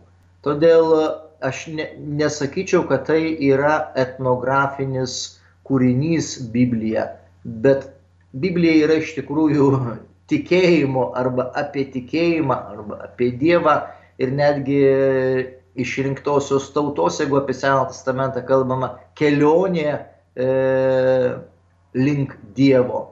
Bet jokių būdų mes negalime kalbėti vien tik tai e, kažkaip tai susiaurinant ir sakant, kad tai yra ten etnografija. Ne tik tai etnografija. Tam tikri elementai, tam tikri simboliai mes, mes sutinkame, bet tarkime, kada pradedame jau labai stipriai lyginti, mes matome, kad antiek yra E, perdirbta arba tiek yra jau e, padaryta ta linkme, kad mes negalėtum pasakyti, kad vat, štai šitas pasakojimas arba šitas įvykis yra paimtas ir taip tiesiogiai nukopijuotas nuo vieno arba tai kito mito. Tai mes tai negalime pasakyti. Bet žmonės, kurie rašė arba kurie surašinėjo šventą raštą, dievų kvipti, jie stengiasi naudotis e, aplinkinių tautų, aplinkos informaciją, perteikiant vieną arba tai kitą mintį. Nu ir aišku, turbūt reikia pridėti, kad į tuos, e, reiškia, pradžios knygos e, pasakojimus e, negalime žiūrėti turbūt pažodžiui, jie turi tokią simbolinę prasme, dvasinę prasme, negalim žiūrėti kaip į, į reportažą, kad štai taip va, viens prie vieno viskas buvo ir taip, reiškia, pažodžiui suprasti reikia žiūrėti daug plačiau ir kad Biblija turi savo žanrus ir kad kiekvieną žanrą mes skirtingą prieigą turim prie kiekvieno žanro. Štai, pavyzdžiui, Evangelijos pasakojimai arba ten na, pranašų knygose, istorinėse knygose galbūt daugiau to istoriškumo yra, o štai kitose knygose yra, yra svarbus kiti dėmenys. Tai e, tų pačių kriterijų turbūt negalime taikyti visoms Biblijos knygoms. Na, dar vienas toks e, truputį provokuojantis klausimas. Prašome pasakyti, jūsų tarnystėje kas svarbu, svarbiau klausyti viskupų ar Dievo? Tai e, Dievas, aišku, yra pirmoji vietoje visada, bet e, viskupai taip pat yra, žinot, ne, ne šiaip savo, jie yra žmonės, kuriuos e, viešpaties valia štai skyrė ir mes supriešinti nesistengėme. Jeigu viskupai, pavyzdžiui, sakytų, atsižadėkite Dievo, tai tada taip, mes Dievo turim klausyti, bet viskupai irgi jie klauso Dievo ir mums padeda priimti, suprasti, paaiškinti Dievo valią. Na, kunigė, gal jūs kažkaip dar pasa, pridėsit kažką? Na, pa, pašlas Paulius savo, kad visa valdžia yra iš Dievo, tai viskupų, viskupai irgi viskupų yra tarnystė iš Dievo ir e, bažnyčioje ypatingai, gal anksčiau iki antro Vatikano susirinkimo buvo akcentuojama, kad jeigu tu klausai bažnyčios vyresniojo, Tai reiškia tam tikro vadovo, tai tu klausai kaip ir Dievo, tu vykdai Dievo valią. O tas vyresnysis, aišku, jau jo yra atsakomybė, kad e, jo tas pavaldinys tikrai atliktų tai, kas yra teisinga, nes jisai duos atlygį prieš viešpatį, at, ataskaitą prieš viešpatį Dievą. Nes labai lengva iš tikrųjų neviliuoti tos e, tokius santykius Nes jeigu aš pasakysiu, kad dabar, žinai, aš tik tai klausau viešpatis Dievo, ar ne? Bet Dievas yra, nu, neapčiuopiamas kasdienybėje. Ir tada mes galime, galime nueiti taip į šoną, kad, kad sakykime, ką, ką nors tau visko pasako, o kunigas sako, aš sako, klausau Dievo. O Dievas man sako tą ir tą. Tai tada tai reikia čia, labai čia, čia, sugebėti skirti dvasias, kieno, kokia dvasia kalba, va, tai tada yra didžiulis pavojus, kad e, ne va tai klausau Dievo, o iš tiesų tai pikt, klausau gal savo puikybės arba piktosios dvasios. Tai, tai žodžiu, tam tie, ta, ta žmogiška valdžia ir yra, kuri, na, kuri bendradarbiauja su Dievu ir, ir, ir meldžiasi ir ir yra taip pat apaštalų įpėdiniai ir, ir mes vienybę turim išlaikyti ir, ir melstis vieni už kitus turim Dievui, kad štai nebūtų tų klaidų arba būtų kuo mažiau tų klaidų ir štai, kad viešpats išvestų iš visų mūsų klaidų. Taip, dabar e, mes e, dar vieną žinutę turime. E, ar šis virusas Dievo ar velnio kūrinys? Štai kas sukurta, ar galime priskirti, kad ir tokius grėsmę keliančius dalykus Dievui, kaip kunigė paaiškintumėt? Aš tai norėčiau čia tokio galbūt neutralumo, nes mes negalime vien priskirti tam arba tam. Iš vienos pusės galime interpretuoti, kad tai yra išbandymas, nes kiekvienas sunkus įvykis žmogaus gyvenime yra tam tikras išbandymas. Išbandymas. Ir jeigu, tarkime, tai vyksta, tai mes kaip tikinti žmonės mes turime priimti, kad tai, tai yra, kad Dievas prileidžia. Dievas prileidžia žmogui, Dievas prileidžia pasauliui štai vieną arba kitą išbandymą. Kad žmogus iš tikrųjų sustotų, apmastytų ir suprastų, ar jisai eina teisinga linkme. Tai čia yra tas Biblijos turinys arba Biblijos kalbėjimas. Jeigu kažkoksai tai yra įvykis, jeigu kažkokia tai yra nelaimė, vadinasi, tai yra Dievo žinioje. Ir Dievas, kaip mes dažniausiai galvojame, Dievas nebaudžia. Dievas prileidžia žmogui vieną arba kitą įvykį, kad žmogus galėtų kažkaip tai sustojęs permastyti ir tada pakeisti savo gyvenimo būdą. Jeigu mes dabar sakytume, kad tai yra velnio sėkla, kas irgi dažnai yra toje dvasinėje teologijoje. Netmetama galimybė, bet mes šimtaprocentaliai to nežinome. Mes tik tai galime pasakyti, kad jeigu kažkas tai su žmogumi vyksta arba su pasauliu, tai yra Dievo žinioje. Ir kad jeigu tai vyksta Dievo žinioje, vadinasi, turi išeiti būtent į gerą. Nes jeigu Dievas prileidžia, vadinasi, po kažkiek tai laiko mes suprasime, kad tai, tai buvo žmonijai arba konkrečiai žmogui naudinga.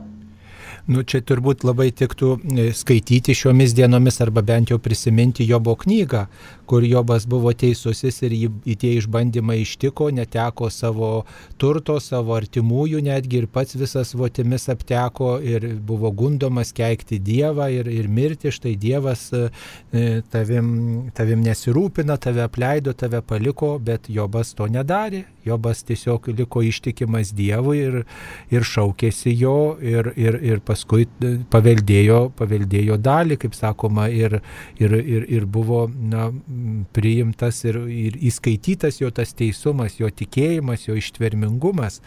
Tai Biblijoje tas teisaus žmogaus išbandymas nėra, nėra kažkas svetima, tai labai, reiškia, dažnas motyvas. Ir, Ir mes. Kitas dalykas, pas mus toje prigimtyje yra ta baimė labai mirties ir žmogus kažkaip tai, nu, idealizuoja savo mirtį, kaip jisai turi mirti, kada jisai turi mirti, kokiu būdu mirti. O ateina va, šitie visi išbandymai įvykiai ir mes matome, kad visai yra kita žmogaus iškeliavimo amžinybė forma. Nes tik tai Dievas žino mūsų gyvenimo trukmę, iki kada mes gyvensime, kiek mes gyvensime Tai čia vat irgi tas yra toksai e, duoti Dievui valią arba gyventi pagal Dievo valią, tai reiškia, kad e, gyventi tiek, kiek man šitame gyvenime yra skirta. Taip, ačiū už atsakymą. Dabar padarykime pertraukėlę ir pertraukėlės metu pasiklausysime Angelės Joknytės atliekamos gesmės Laukia mano siela. Laukia mano siela viešpatie tavęs, gyvybės tavo trokštama, malonės tavo išsilgus. Laukia mano siela viešpatie tavęs, iš dykumų duobėsi tavo erdvė šaukės. Žodį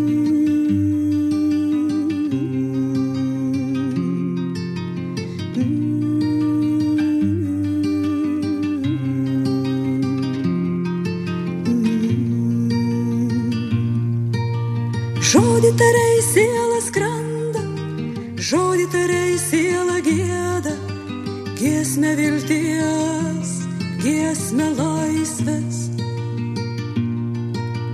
Žodį tariai siela skrenda, žodį tariai siela gėda, giesmė vilties, gyriaus giesmė.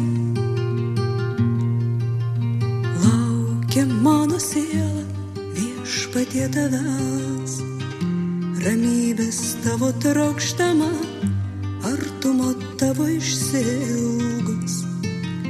Laukia mano siela viešpatie tavęs, iš gilumos į tavo gelmę šaukės. Sulaukiau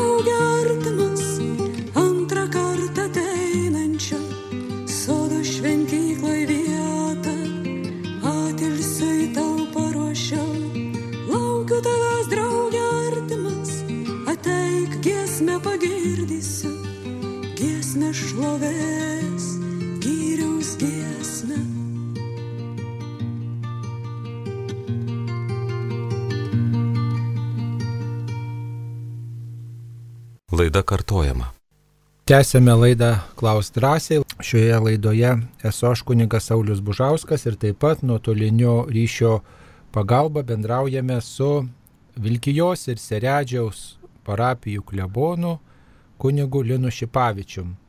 Taip, tai labai malonu kunigelinai, kad jūs štai padedat atsakyti mums į klausytojų klausimus. Štai Dar vienas klausimas yra, kodėl dezinfekcinis skystis stipresnis nei švestas vanduo. Štai turbūt turime galvoj, kad dezinfekcinį skystį galime vartoti, o štai švestas vanduo bažnyčiose na, vie, viešai nėra prieinamas visiems žmonėms, kad štai vienam švesto vandens inde galėtume visi, na, mirkyti savo pirštus, žegnotis. Kaip uh, pakomentuotumėt? Čia priklauso apie tą stiprumą, kaip stipresnis. Jeigu mes žiūrėtume iš to religinio pagrindo, tai šventas vanduo yra pats stipriausias iš visų skyščių, kokie tik tai, kokie tik tai gali būti, ar ne?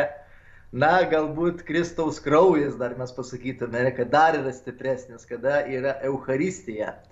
E, bet kada mes ateiname į bažnyčią, mes žinome, kad e, švestas vanduo, jisai yra kaip ir palaiminimo gestas, ir apsaugos gestas, ir maldos gestas įvai, įvairiomis formomis. Aišku, kada mes turime dabartinę situaciją, mes suprantame, kad apsisaugoti nuo, nuo viruso, aišku, padeda skysis, kuris yra spiritizuotas. O, o šiaip, jeigu mes žiūrime iš religinės pusės, tai pats stipriausias skystis, ar ne, e, tai yra būtent e, naudoda, jam naudojamas liturgijoje, tai yra būtent švesas vanduo, nes jisai naudojamas ir pašventinimui, ir sekmanių šlakstymui, ir, tarkime, žegnojimus ir taip toliau.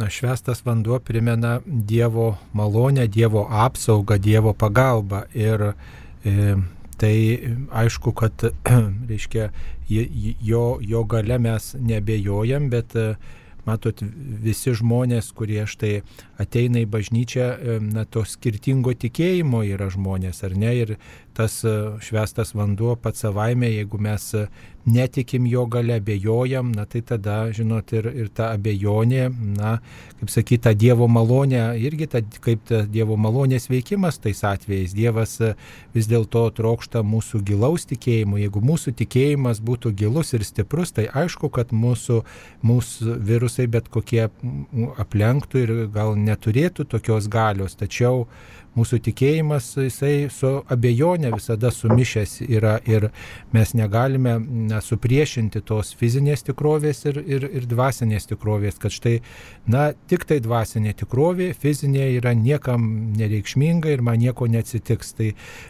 tas mano gal kartais įsivaizduojamas tikėjimas, kurį aš turiu, gali būti pilnas ir puikybės, štai kad aš paliesiu ir man čia nieko nenutiks, viešpatie, tu čia mane turi apsaugoti. Gal viešpats kitaip masto. Tai e, mes tikime, prašom Dievo pagalbos, bet kita vertus ir esam kviečiami padaryti ir namų darbus, kaip sakoma, ir žmogiškai saugoti save ir saugoti vienas kitą. ne tik apie save galvoti, bet taip pat ir apie kitus žmonės, kaip ir e, kitiems žmonėms parodyti artimo meilės, neužkrėsti jų ir neplatinti galbūt lygos. Ir Tiesiog nereikėtų priešinti ir painioti turbūt švesto vandens ir dezinfekcinio skyščio. Tai yra skirtingoms tikrovėms skirti skyščiai, jeigu taip galima pasakyti. Ir, ir švestas vanduo gina nuo piktojo, mūsų tikėjimą stiprina mūsų atvirumą Dievui, o, o dezinfekcinis skystis naikina viso labo virusą šitą ir, ir, ir saugo mūsų tą fizinę tikrovę. Tai ačiū. Dabar dar vieną turime tokį klausimą. Ar galima gauti ligonių patepimo sakramentą telefonu? Tai vienareikšmiškai ligonių patepimo telefonu negalima gauti, nes tai reikalingas e, kontaktas, reikalingas fizinis palietimas e, ligonių aliejumi. Galima pasikalbėti telefonu, gauti patarimą, štai paguodo žodį, telefonas skirtas žodžiai, žodiniai komunikacijai, o ligonių sakramente be žodinės komunikacijos yra reikalingas ir tas fizinis kontaktas, patepimas rankų ir kaktos. Štai taip. E, na, dar viena žinutė. E, Kunigas e, štai Algis Vaitskūnas pergyvena, kad skėsdami gyvenimo valtyje nebėgame prie Jėzaus švenčiausiame sakramente. O šiuo metu bažnyčios turėtų būti perpildytos kaip maro laikais. Jei pasitikėsim Jėzumi, tai išgėrus mirštamų nuodų mums nepakenks. Štai toks padrasinimas, gal galime kaip nors pakomentuoti. Aš galvoju, tai žmonėms kaip tik čia turėtų būti pamoka, kad tarkime, kaip buvo geri ir ramus laikai ir buvo skelbiamos adoracijos ir buvo tuščios bažnyčios.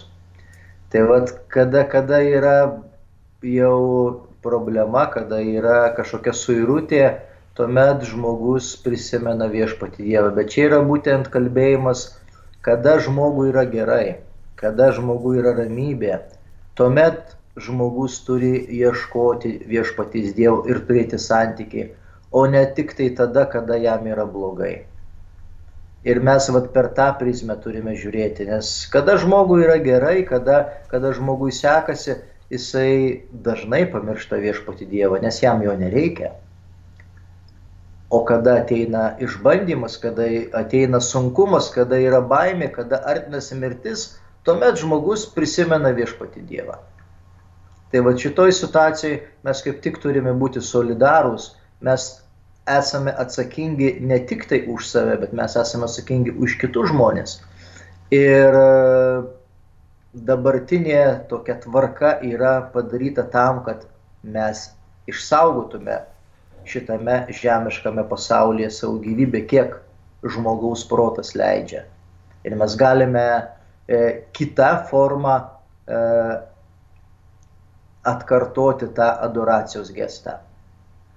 Yra maldos, yra, yra namuose susikaupimai, yra švento rašto skaitimas ir taip toliau, taip toliau. Taip, ačiū. Dabar e, kviečia mus atsiversti kunigų knygos 11 skyrių e, ir pakomentuoti e, vyrų apieiginį nešvarumą. Štai kunigų knyga 11 skyrius. Pabandykite atsiversti, jeigu turite namie šventą įraštą, senąjį testamentą, o kol kunigas atsivers šventą įraštą, aš štai atsakysiu į vieną klausimą. Kiek kartų per dieną galima priimti dvasinę komuniją? Šventųjų mišių aukoje per internetą, radiją, kartais galima dalyvauti 2, 3, 4 kartus. Dėkuoju už atsakymą, Regina. Tai mm, dvasinę komuniją galima priimti daugybę kartų galima priimti ne tik tai klausant šventųjų mišių, bet ir tą maldą sukalbėti arba kitais e, e, būdais trokšti viešpaties, kai melžiamės kitas maldas, kitų laikų ir, ir dažnai tą tokį troškulį žadinti savo širdį. Taigi nėra ribojamas dvasinės komunijos prieimimas. Tai kaip tik tai padeda nusigręžti nuo nuodėmės ir ilgėti švenčiausiojo sakramento šventosios komunijos. Ir tikrai, na, parodys laikas štai praeis e, šitą e, pandemiją, gyvenimas kažkada vėliau ar anksčiau stosis į senasias vėžes, ar tikrai mes būsim iš, pasilgę, ištroškę viešpaties, ar tikrai mes atsiliepsim į šitą laikmetį, kai negalėjom jo priimti, troškomo negalėjom, ar tikrai mes dėkosim Dievui, kad išlikom, ar tikrai mes priimsim viešpatį, ar tikrai būsim tinkamai pasiruošę šventai komunijai, ar vėl viskas nuslinks, sakysim, ai, nu, ėjo, praėjo, čia va, medikai padėjo, o, o bažnyčio negalėjome eiti, tai gal ir dabar nereikia. Ar nepasiduosim šitam abejingumui, kuris įprastai mus atitraukia nuo Dievo.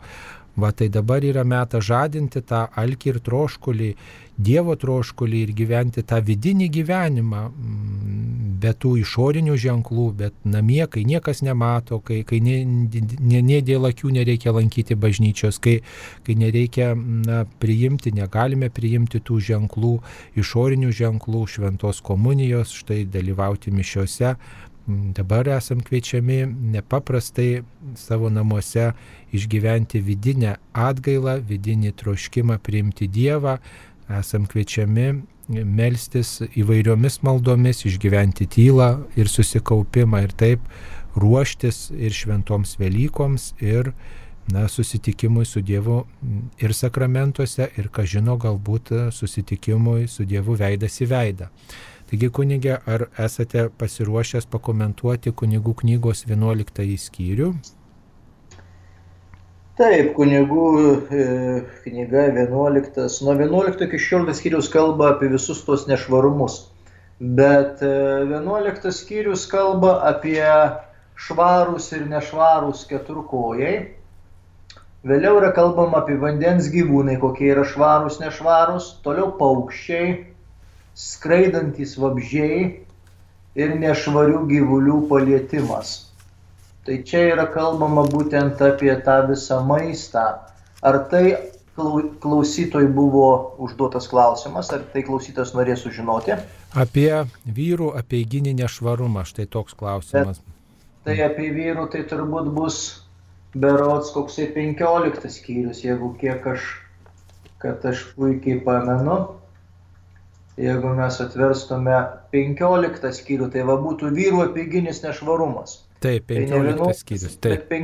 15 skyrius. Mm. Viešpats kalbėjo Mozė ir, ir Arono tardamas, kalbėkite izraelitams ir sakykite jiems. E, čia yra įvairūs iš tikrųjų tokie, galima sakyti, niuansai arba galima sakyti, nu, elgimosi formos, kurios e, buvo naudojamos tuo metiniam e, ne tik tai Izraelio tautos gyventojų, bet taip pat buvo naudojama ir visam tam regionui. Ir čia mes turime įvairiausių tų, pavyzdžiui, pavyzdžių, įvairiausių situacijų, kurios, na, šiais laikais, aišku, jau vyrai to, to nesielgia, bet čia yra prašomas aprašomas kiekvienas e, momentas, kiekvienas į situaciją. Ir tai tarytum yra įrašyta į švento rašto puslapius. Bet šitas įstatymas, jisai konkrečiai jisai išplaukia iš tautos gyvenimiškos praktikos. Kad, tarkime, nevalgyti ten to, arba valgyti to, sakykime, čia dabar e, kalbama apie vyrų sen susilaikymą. Viskas, viskas yra išplaukiama iš praktinės situacijos. Tai čia būtų galbūt ir toksai komentaras. Aš nenorėčiau labai čia gilintis apie kiekvieną tenai įvykį, nes arba ten apie kiekvieną e, tokį pavyzdį, nes tai iš tikrųjų dabar per daug mūsų aišku neliečia. Taip, tai ačiū. Dabar dar viena žinutė štai atėjo. Esu praktikuojantis katalikas ieškantis atsakymų į tikėjimo klausimus. Norėčiau paklausti dėl e, septintosios dienos šventimą. Buvau įsitikinęs ilgai, kad sekmadienis septintoji savaitės diena, kol kunigas per mišes nepabrėžė, kad sekmadienis pirmoji savaitės diena. Tada kodėl nešvenčiame šeštadienio kaip septintosios dienos? Jėzus buvo nukankintas penktadienį, o šeštadienį tai yra septintą dieną ilsėjosi kape. Jeigu Jėzus laikėsi polisio septintąją dieną, kodėl mes jo nesilaikome? Gal reikėtų tiesiog pastumti savaitės dienas ir skelbti sekmadienį septintąją dieną?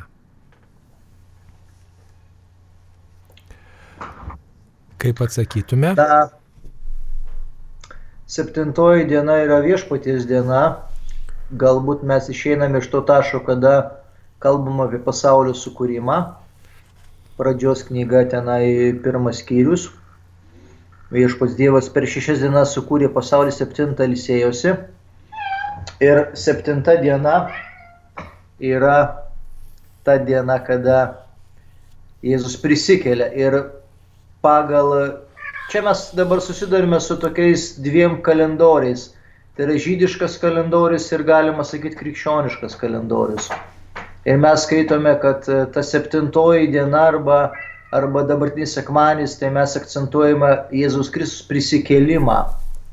Nes ant prisikėlimo pagrindo mūsų stovi tikėjimas, bet ne ant e, šabato šventimo.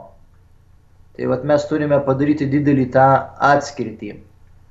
Mūsų tikėjimas, mūsų akcentas, mūsų žvilgsnis yra į Kristaus prisikėlimą. Kristaus prisikėlimas įvyko būtent septintą dieną pagal žydišką kalendorių arba kaip kiti, kiti skaičiuoja, tai yra pirmoji diena. Pirmoji diena e, savaitės. E, pagonys sakydavo, tai yra Saulės diena. O žydai švenčia būtent e, šeštąjį šabo dieną, e, minėdami, aišku, tą mažąją paschą. Tai čia mes turėtume turėti tą skirtumą, kad mūsų dėmesys, mūsų žvilgsnis yra nukreiptas į Jėzaus prisikėlimo įvykį, kuris įvyko būtent septintą dieną. Taip, ačiū. O iš kur mes žinome, kad Jėzus mirė pavasarį, klausė Dovilė. Čia yra, čia yra apskaičiuota, nes pavasarį pagal kalendoriškai žydai švesdavo Paschą arba žydiškas Velykas. Ir, ir, ir turbūt ir, ir, evangelistai minė, kad, reiškia, Nisano mėnesio, kovo balandžio mėnesį pagal, pagal žydų kalendorių. Mhm. Žydai švesdavo visą laiką Paschą Nisano, Nisano mėnesio 14 dieną, tai, tai pagal mūsų uh, kalendorių tai yra apie pavasaris kada yra lygiadienis mėnuliam. Taip, ar, kas, ar yra kokia nesinoptinių evangelijų knyga ar bent kažkoks leidinys, e, e, ar tai yra prieinama Lietuvoje, nesinoptinės evangelijos? Štai toks klausimas. Kas yra nesinoptinės evangelijos? Nesinoptinė evangelija, tai yra Jono evangelija, galite, galite atsiversti ir skaityti. Tai yra pirmas, pirmas momentas. Aišku, yra apokrifinės evangelijos, kurios... E, neįeina į šventą įraštą, taip. Kurios neįeina į šventą įraštą, bet e, jos dabar po truputėlį yra taip populiarinamos. Labiau mokslinė galbūt sritimi, nes, e, tarkime, kai kurie pasakojimai, kai kurie įvykiai aprašyti Evangelijose per apokrifinių evangelijų tekstą mes galime kažkaip tai giliau, plačiau išvelgti švento rašto tekstą. Bet vis dėlto religinių pagrindų ir savo tikėjimų pagrindų tai siūlyčiau skaityti šventąjį raštą, o ne apokrifinės evangelijas arba tos evangelijos, kurios neėjo švento rašto kanoną. Taip, E, ačiū. Kodėl bažnyčioje kalbamas naujas tikėjimo išpažinimas ir ne visi moka, kitose bažnyčiose kalbamas senas, prašau paaiškinti. E, tas žodis naujas čia tik tai tarp mu, nu, mumise tas yra, nes šiaip, e, kada bažnyčia augo ir formavosi, tikėjimų išpažinimų buvo ne vienas sukurtas. Ir mes buvome įpratę kalbėti Nikėjos išpažinimą 325 metų, tą trumpesnį. O Nikėjos Konstantinopolio tikėjimo išpažinimas, jisai buvo sukurtas 381 metais, kurį mes dabar kalbame ir kuris yra ilgesnis. Tai atsiradimo laiko skirtumas yra apie 50 metų. Tas trumpesnis yra 325, tas ilgesnis 381 metai. Tik tai kažkaip tai tą ilgesnį kalbėjo rytų bažnyčia. E, na ir, ir o, o pas mus katalikų bažnyčia buvo kalbama tas trumpesnis, bet e, ilgesnis turi teologinės e, platesnės ištaras ir buvo nuspręsta kaip ir vienybėje su kitomis krikščioniškomis bendruomenėmis, kaip ir vykdant tokį ekumenizmą, kalbėti tą ilgąjį tikėjimo išpažinimą, kuris yra taip pat atėjęs iš ketvirto amžiaus, kaip ir e, mūsų dabartinis tas trumpesnis. Tai čia nieko nėra naujo ir mes negalime vadinti juo nauju. Tai paprasčiausiai mes tik tai turime jo pavadinimą, tai yra Nikėjos Konstantinopolio tikėjimo išpažinimas. Nu, jis yra ilgesnis ir sudėtingesnis, bet išsamesnis ir labiau mūsų tikėjimą išreiškiantis, reikia pasakyti. Tai turbūt būdas būtų žmonėms vis dėlto, na, paprašyti kunigo, kai tik tai galės, arba nešiotis maldaknygę, arba kunigas galbūt galėtų štai tuos lapelius išdalinti bažnyčioje susirinkusiems žmonėms ir kai kuriuose bažnyčiose tas yra, kad štai kiekvienas žmogus turėtų prieš akis tą tekstą ir galėtų skaityti ir skaitant kiekvieną sekmadienį šitą tekstą tiesiog, na, tie žodžiai pamažu į mūsų atmintį įrašomi. Ir visada galima kalbėti paskui kunigą, net jeigu teksto e, mes nemokam mintinai arba susipainiojame. Tai e, tikrai visuotiniai bažnyčioje šita malda melžiamas ir mes taip pat esam visuotinės bažnyčios dalis ir čia Lietuvoje sovietmečių, kai nebuvo na, tokio labai aiškaus bendravimo su visuotinė bažnyčia, tiesiog katechetiniais tikslais tas mm, apaštalų tikėjimo išpažinimas, tas trumpesnis variantas buvo įsigalėjęs, tačiau na, mes esam kviečiami turbūt įsijungti į visuotinės bažnyčios tą pulsą ir na, tuo lobiu pasinaudoti, kurį bažnyčia per amžius uh, siūlė ir kuriuo maitino savo tikinčiuosius. Taip, Dar viena žinutė. E, kiek žinau, reiškia 1990 metais bažnyčios hierarchai ir Lietuvos vadovai paukojo Lietuvą švenčiausiai Jėzaus širdžiai. Ar nereikėtų dabar tinės nelaimės metu ir per Marijos radiją ir bendrai melstis į Jėzaus širdį. Taip reikėtų ir mes melžiamės į Jėzaus širdį ir, mel, ir šaukiamės Jėzaus užtarimo. Tai prašom klausytis Marijos radijo e, tikrai, na, taip sakant, turbūt ne, nėra čia tikslas kalbėti tik tai vieną kažkuria maldą, nes tik tai ta malda išgelbės. Čia mūsų turbūt užduotis būtų tą į maldų įvairovę parodyti, ką Marijos radijas ir daro, parodo maldų įvairovę, dvasingumo krypčių įvairovę. E, mus išgelbės mūsų krikščioniškas tikėjimas, mūsų ryšys su Dievu ir tą ryšį mes galim puoselėti ne tik tai vieną kažkuria maldą, bet kalbėdami įvairesnės maldas. Kuo įvairesnės ir vienam viena primtina, kitam kitokia primtina, tai ir melžiamės kuo įvairesnėmis maldomis. E, dar vienas klausimas veterinarijos gydytojas uždavė. Turiu du klausimus. Prieš atlikdamas kiekvieną operaciją turi galvoj e, gyvūnėliams, kreipiuosi suteikti stiprybės į šventąjį pranciškų asižietį gyvūnų globėją. Ar taip galima, ar reikia tiesiogiai kreiptis į Dievą? Kaip atsakytume? Galima, galima aišku. Taip. Šventas pranciškus yra globėjas gyvūnų ir, ir galima mes prašyti švento pranciškaus maldos taip visi mes turim kažkokį tokį privatų pamaldumą į vieną ar į kitą šventąjį, nes e, mums to švento gyvenimo būdas yra, jo pamaldumas galbūt artimas ir mes e, kreipdamiesi į vieną ar kitą šventąjį tiesiog jo dvasingumu labiau domimės, jo gyvenimo būdų domimės ir taip e, kartu su juo artėjam prie Dievo, tai parodo tokį mūsų tikėjimo bendruomeniškumą.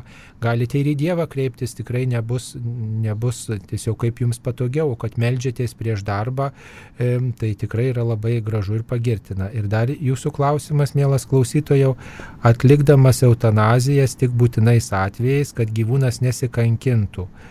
Ar atimdamas gyvybę vėliau rasiu sielos ramybę. Štai rašo gydytojas. Čia apie gyvūnus, ar ne? Taip, apie gyvūnus, nes turbūt ir gyvūnai serga, ir žmonės kartais matydami, kad gyvūnas štai serga ir jau nebepagis, ar jau senas, ar nu, visokių gyvūnų atveju, kreipiasi veterinarijos gydytojai ir prašo turbūt užmigdyti.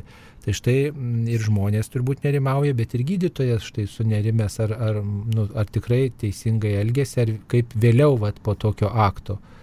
Uh. Sauliau, aš negirdėjęs, kad būtų bažnyčia pasakius apie apie gyvūnų eutanaziją kažką, tai, tai man tai būtų sunku komentuoti kažką tai.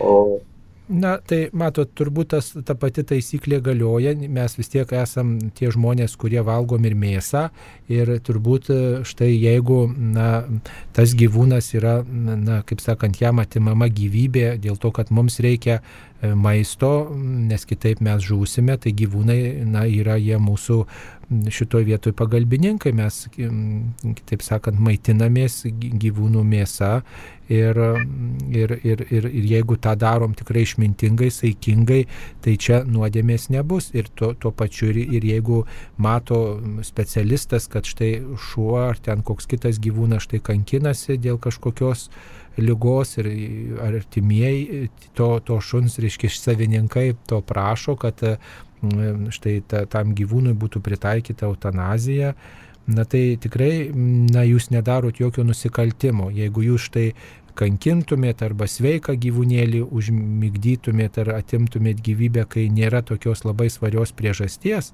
tuomet tada, na, tikrai tada būtų gal tas veiksmas toks neteiktinas. Va, kai, kai, kai žudoma dėl malonumo arba šiaip dėl pramogos, tada jau reikėtų sunerimti.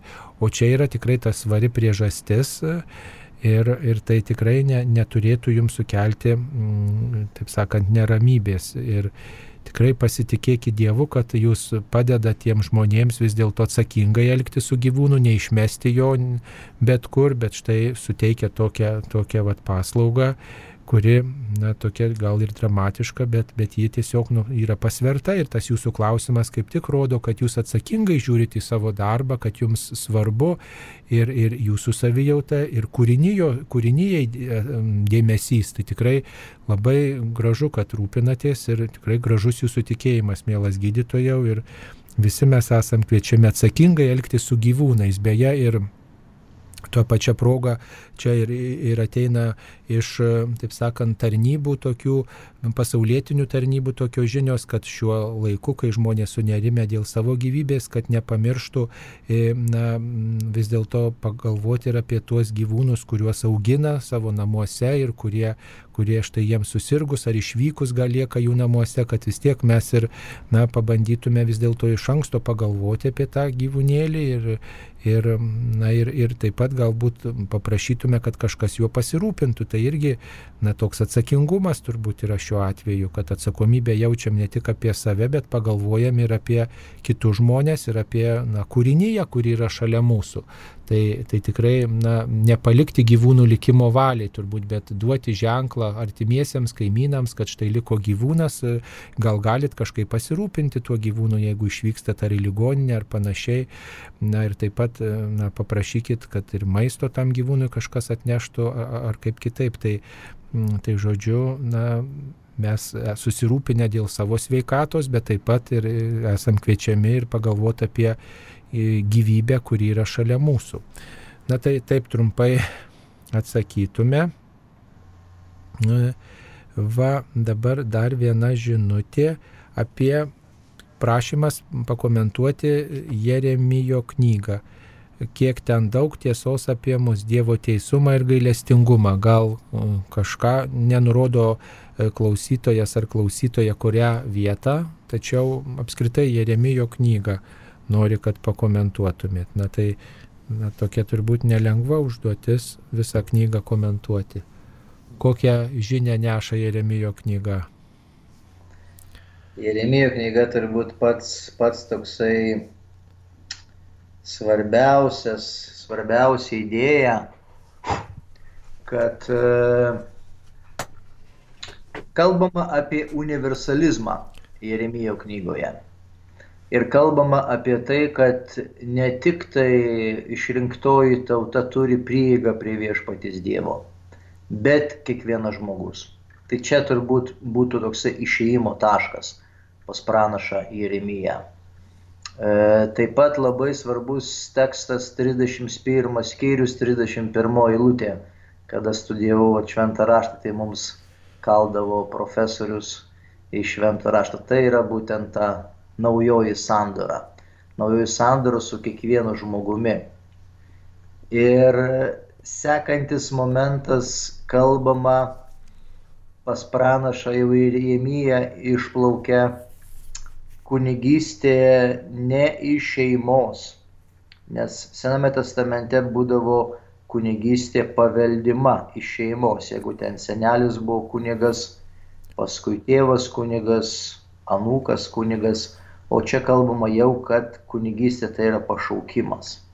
Tai va šitos trys turbūt tokios idėjos, bet ta pirmoji idėja, tai kuri buvo šventame rašte taip pat truputėlį užciklinta, kad e, išrinktoji tauta Izraelis tai yra būtent tik tai jinai turi tą santyki, tą bendrystę su viešpačiu Dievu, o paskui kalbama e, pas pranašą Jeremiją apie universalizmą, kad visa žmonija yra pakviesta į santykių su viešpačiu Dievu, o, taut, o išrinktoji tauta tarytum buvo kaip įrankis, kaip instrumentas pritraukti kitas tautas. Bet aišku, išrinktoji tauta kitaip suprato savo misiją, jinai galvojo, kad jinai tik tai yra išrinktoji tauta, o visos kitos nevertos turėti to prieimo prie viešpatys Dievo ir dėl to viešpas Dievas jiems prileisdavo įvairius išbandymus.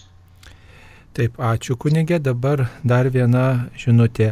Prašom pasakyti, ar visuotinai melžiantis kiekvieną dieną 20 val. į Šventąjį Juozapą varpai turi skambėti ir Lietuvos miesteliuose. Dėkojame už šią laidą, linkime, kad lyga nepaliestų mūsų palapinių. E, taip, viskupai kviečia, kad visi, vis, visos veikiančios Lietuvos bažnyčios skambintų varpais 8 val. 3-5 minutės iki 3, gal iki 5, kaip kokios galimybės, bet Mm, žodžiu, skambinti varpais yra kviečiamos visos Lietuvos bažnyčios ir galima skambinti ir tais varpais, kurie ten įrengti, arba kai kitur yra, na, taip sakant, varpus imituojantis garsai mm, sklinda, tai, tai tada turėtų ir jie kviesti į maldą šiuo laiku. Jeigu jūsų miesteliai to nėra, galbūt susisiekite su parapijos klebonu, paprašykite, priminkite gražiai, kad štai yra tokia mm, tradicija, to toks pakvietimas, gal ir mūsų miestelis galėtų tą pakvietimą girdėti. Taip, dabar dar vienas klausimas girdėjau tokią nuomonę iš vieno žydų kilmės žmogaus, kad nemaža žydų dalis nelaukia mesijo, nes save visą žydų tautą laiko mesiju, pasaulio gelbėtoju. Kaip pakomentuotumėte teiginį, kad mesijas ne asmuo, bet visa tauta? Ar tam yra pagrindo šventajame rašte? Matote, tai pažydus irgi yra įvairiausių grupių, įvairiausių atskilimų kurie, kurie turi savo tam tikras e, ideologijas arba tam tikrus įsitikinimus, bet e, generaliai man tai žydai tai laukia atpirkėjo, mesijo, kuris turi ateiti. Mm, ir tai yra ištakos į Seno testamento, iš tam tikrų svarbių e, teksto citatų, kaip pavyzdžiui antras Samuelio knyga, septintas skyrius, berots ten nuo devintos eilutės ir, ir, ir, ir kiti e, švento rašto fragmentai. Tai taip universalinti arba taip paprasčiausiai sutraukti kažką tai tokią, kad tarkime čia truputėlį jaučiamas galbūt ir, ir krikščioniškas akcentas, nes e, krikščionybė ar ne, arba krikščionių bendruomenė tai yra gyvas Kristaus kūnas. Ar ne taip, kunigė Sauliau? Taip, taip. Krikščionių, krikščionių bendruomenė tai yra gyvas Kristaus kūnas. Ir tai, tai mes galėtume savo pritaikyti, kad mes esame jau mesijo tauta arba mes esame mesijas Jėzus Kristus. Nes krikščionių bažnyčia tai galima dėti lygybė ženklą ir Kristus. Bet va tas e, mesijo, e, reiškia, kenčiantis Dievo tarnas, e, Izaijo 53 skyrių žydų perskaitomas tokia va kolektyvinė prasme, kad, reiškia, tas kenčiantis tarnas, kuris ten aprašytas, tai na, va ten visa tauta susitapatina su tuo kenčiančiu tarnu, tai va gal ir iš to kyla tas, tas na, kad visa tauta na, neša tą išrinktosios tautos žinę ir yra va, mesijinių ženklų paženklinta. Bet aš galvočiau, šitą idėją galbūt propaguoja būtent tie mesijiniai žydai, ta, save tapatinantis jau su Kristumi ir priimantis e, Kristaus mokslą tai aišku, tada jiems jau to mesijo nereikia laukti, nes jis jau yra atėjęs. Ir žvelgiant į tą krikščionišką tradiciją, kadangi bendruomenė tai yra Kristaus gyv, gyvasis kūnas, tai kaip ir išpildo. Bet šiaip tai tas e, ortodoksiškas judaizmas, tai be abejonės tai laukia ateisančio, užgimsančio, teisinčio mesijo, kuris turi būtent e, išlaisvinti Izraelio tautą. Taip, ačiū. Man atrodo, kad per mišes ir kitur klaidingai linkime ramybės, kitomis kalbomis linkime Kristaus taikos, o ne ramybės. Kristus niekada nekalbėjo, kad jis atneša ramybę, o net priešingai. Žodžio taika šaknis yra nuo žodžio tikti dėrėti su aplinka. Būtent darno su tėvu mokė žmonės Kristus. Manau, linkėti ramybės yra esminė klaida, kaip Jūs manote. Štai toks klausimas apie ramybės linkėjimą.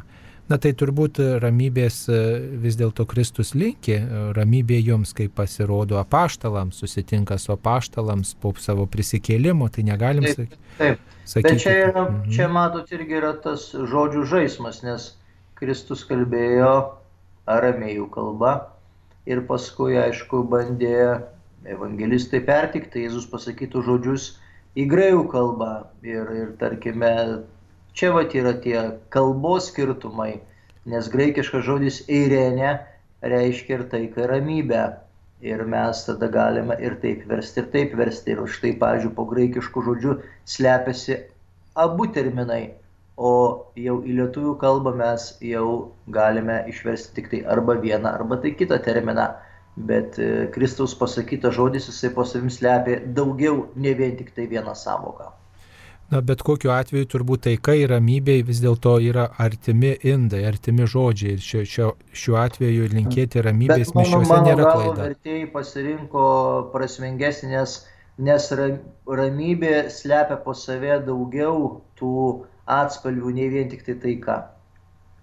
Taip. Nes jeigu mes dabar pradėsime linkėti taikos, bet taika tai dar nėra žinai, kad žmogus turi vidinę ramybę arba ten bet kokią ramybę. O turbūt žmogaus toksai, kaip sakoma, ir vienas iš gyvenimo tikslų - turėti ramybę - vidinę ir išorinę. Na, dar čia toks prašymas išgirsti apie suterštus gyvūnus. Įdomu būtų plačiau išgirsti, ką nors apie suterštus gyvūnus. Čia 11 skyrius. 11 skyrius kunigų knygos. Taip, tai kažką dar žmogus norėtų išgirsti. Tai ką nors gal dar galite pasakyti? Na, galime truputėlį pažvelgti į, į, į tą 11 skyrių, ten galbūt apie tas žuvis galim pakalbėti, bet šiaip tie visi įsakymai ir įstatymai yra kilę iš praktinės situacijos ir tarkime ten yra pasakyta, kad e, nevalgysite žuvų, ant kurių nėra žvinų. Ir e, buvo suprantama, kad tos žuvis, kurios neturi ant pilvo žvinų, jos valgo kita žuvis, jos valgo būtent e, galbūt ir kažkokią dvėseliną ir nuo jų galima užsikrėsti. Ir dėl to, pavyzdžiui, yra uždrausta, kad žmonės neusikrėstų, kad žmonės nesusirgtų. Taigi visos ši, šitie, šitos nuordos yra iš praktinės situacijos kilę, kad iš tikrųjų išsaugoti žmogaus gyvybę. Taip pat ir tenai su, su gyvulių valgymu, ir, ir tenai su keuliu ir taip toliau, ir taip toliau. Taip, ką daryti, jei praktikuojant pamaldumą į švenčiausią Jėzaus širdį buvo priimama komunija pirmaisiais mėnesio penktadieniais, ar nesant galimybės ją priimti, šis pamaldumas visavertis. Taip, šis pamaldumas visavertis, nes ne dėl jūsų Mm, taip sakant, kalties jūs negalite priimti šventosios komunijos e, pirmaisiais mėnesių penktadieniais. Ir kai tik tai bus galimybė tą daryti, jūs tiesiog teskite, jūs tiesiog teskite šitą praktiką, tarsi na, to laikmečio ir nebūtų, o dabar priimkite tą pačią intenciją, tą dvasinę komuniją. Štai viešpatie kiekvieną penktadienį arba kiekvieną pirmąjį mėnesio penktadienį ypatingai pagerbdavau tavo mirtį štai apmastydavau tavo istoriją ir trokšdavau tikrai pasiruošti ir veidavau iš pažinties ir priimdavau tave švenčiausiam sakramente, dabar negaliu, bet ypatingai tavęs trokštų ir, ir apmastau tavo istoriją. Ir tikrai viešpats jūs sustiprins ir nepaliks neramybei. Na, kai baigsis visi šitie neramumai, galėsite lankyti mišes, teskite šitą praktiką. Taip trumpai atsakytume.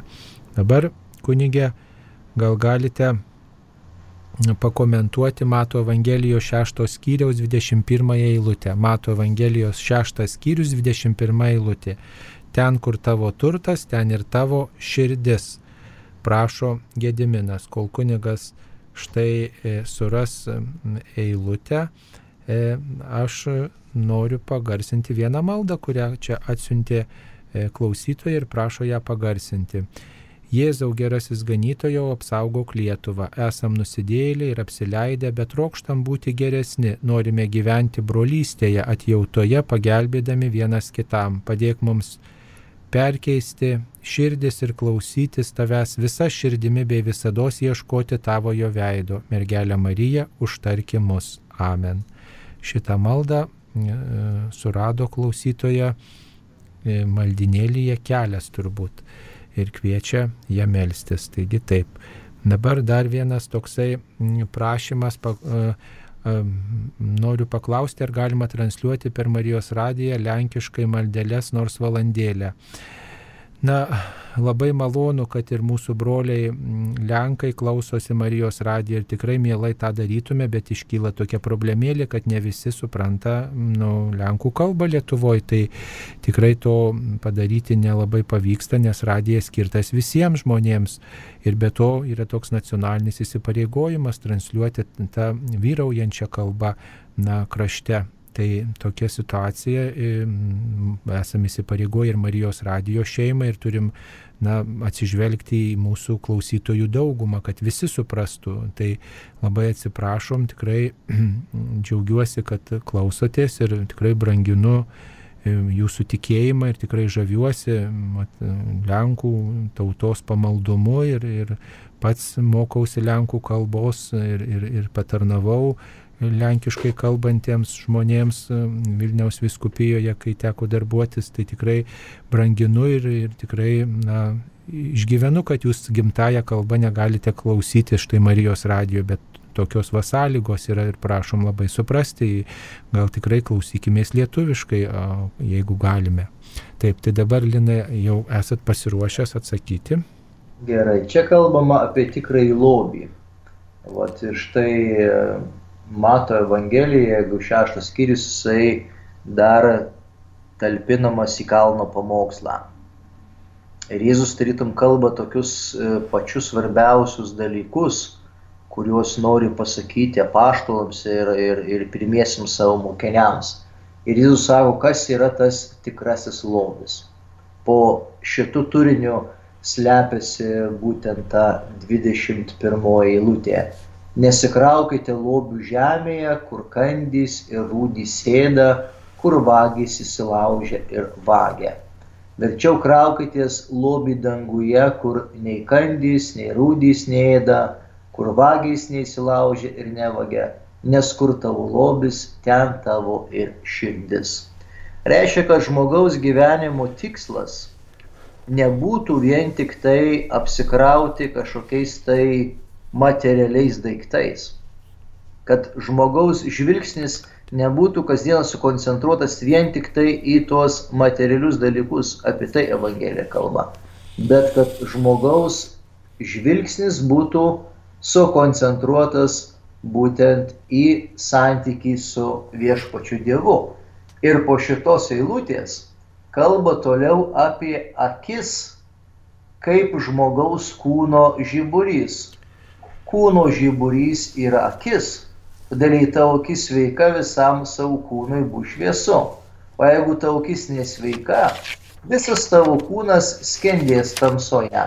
Taigi jei tavie esant iš viso tamsi, tai ir to kokia baisi toji tamsa. Vadinasi, žmogaus tas pažinimas taip pat yra būtent nu, per regėjimą. Ir jeigu žmogus žiūri godžiai, pavydžiai į kitus daiktus arba į tai, ką kitas žmogus turi, o jisai neturi, tai, nėra, tai yra nesveika. Sveika yra tame, kada žmogus turi tam tikrą distanciją nuo visų tų dalykų. Nuo materialių dalykų, nuo, sakykime, kažkokių tai netgi karjeros dalykų. Nes kas iš tikrųjų žmogų labiausiai traukia arba žmogų labiausiai masina. Tai yra valdžia, valdžios troškimas ir tai yra paprasčiausiai kažkokio tai vat, turto turėjimas. Du du momentai, kada pavyzdžiui yra, vyksta tie visi gundimai arba visi troškimai, tai žmogus nori valdžios, žmogus nori vadovavimo ir žmogus nori turėti tam tikro turto, kad jisai galėtų paskui, kaip sakoma, nesirūpinančiai galvoti. Nepasitikėti Dievu, bet savimi, savo turtai, savo gerybėm. Taip. Dar e, toks prašymas, kad e, e, pakomentuotumėte Evangelijos pagal Joną 7 skyriaus 18 eilutę.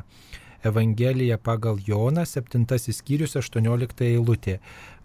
Kaip pasakyti tiesą, nesužeidžiant kito, juk tik vienas Dievas teisus. Jono Evangelijos 7 skyrius 18 eilutė. O kol kunigas suras, suras šitą eilutę, E, pasiruoš, aš apie Marijos radiją noriu pasakyti, štai klausimas toks, kodėl vakar nekartojo aktualijų laidos, negalėjau klausyti ryte, ar ji bus kada nors kartojama. Taip, vakar aktualijų laidoje kalbėjome su Vilniaus arkivyskupu, Lietuvos viskupų konferencijos pirmininku Gintaru Grušu.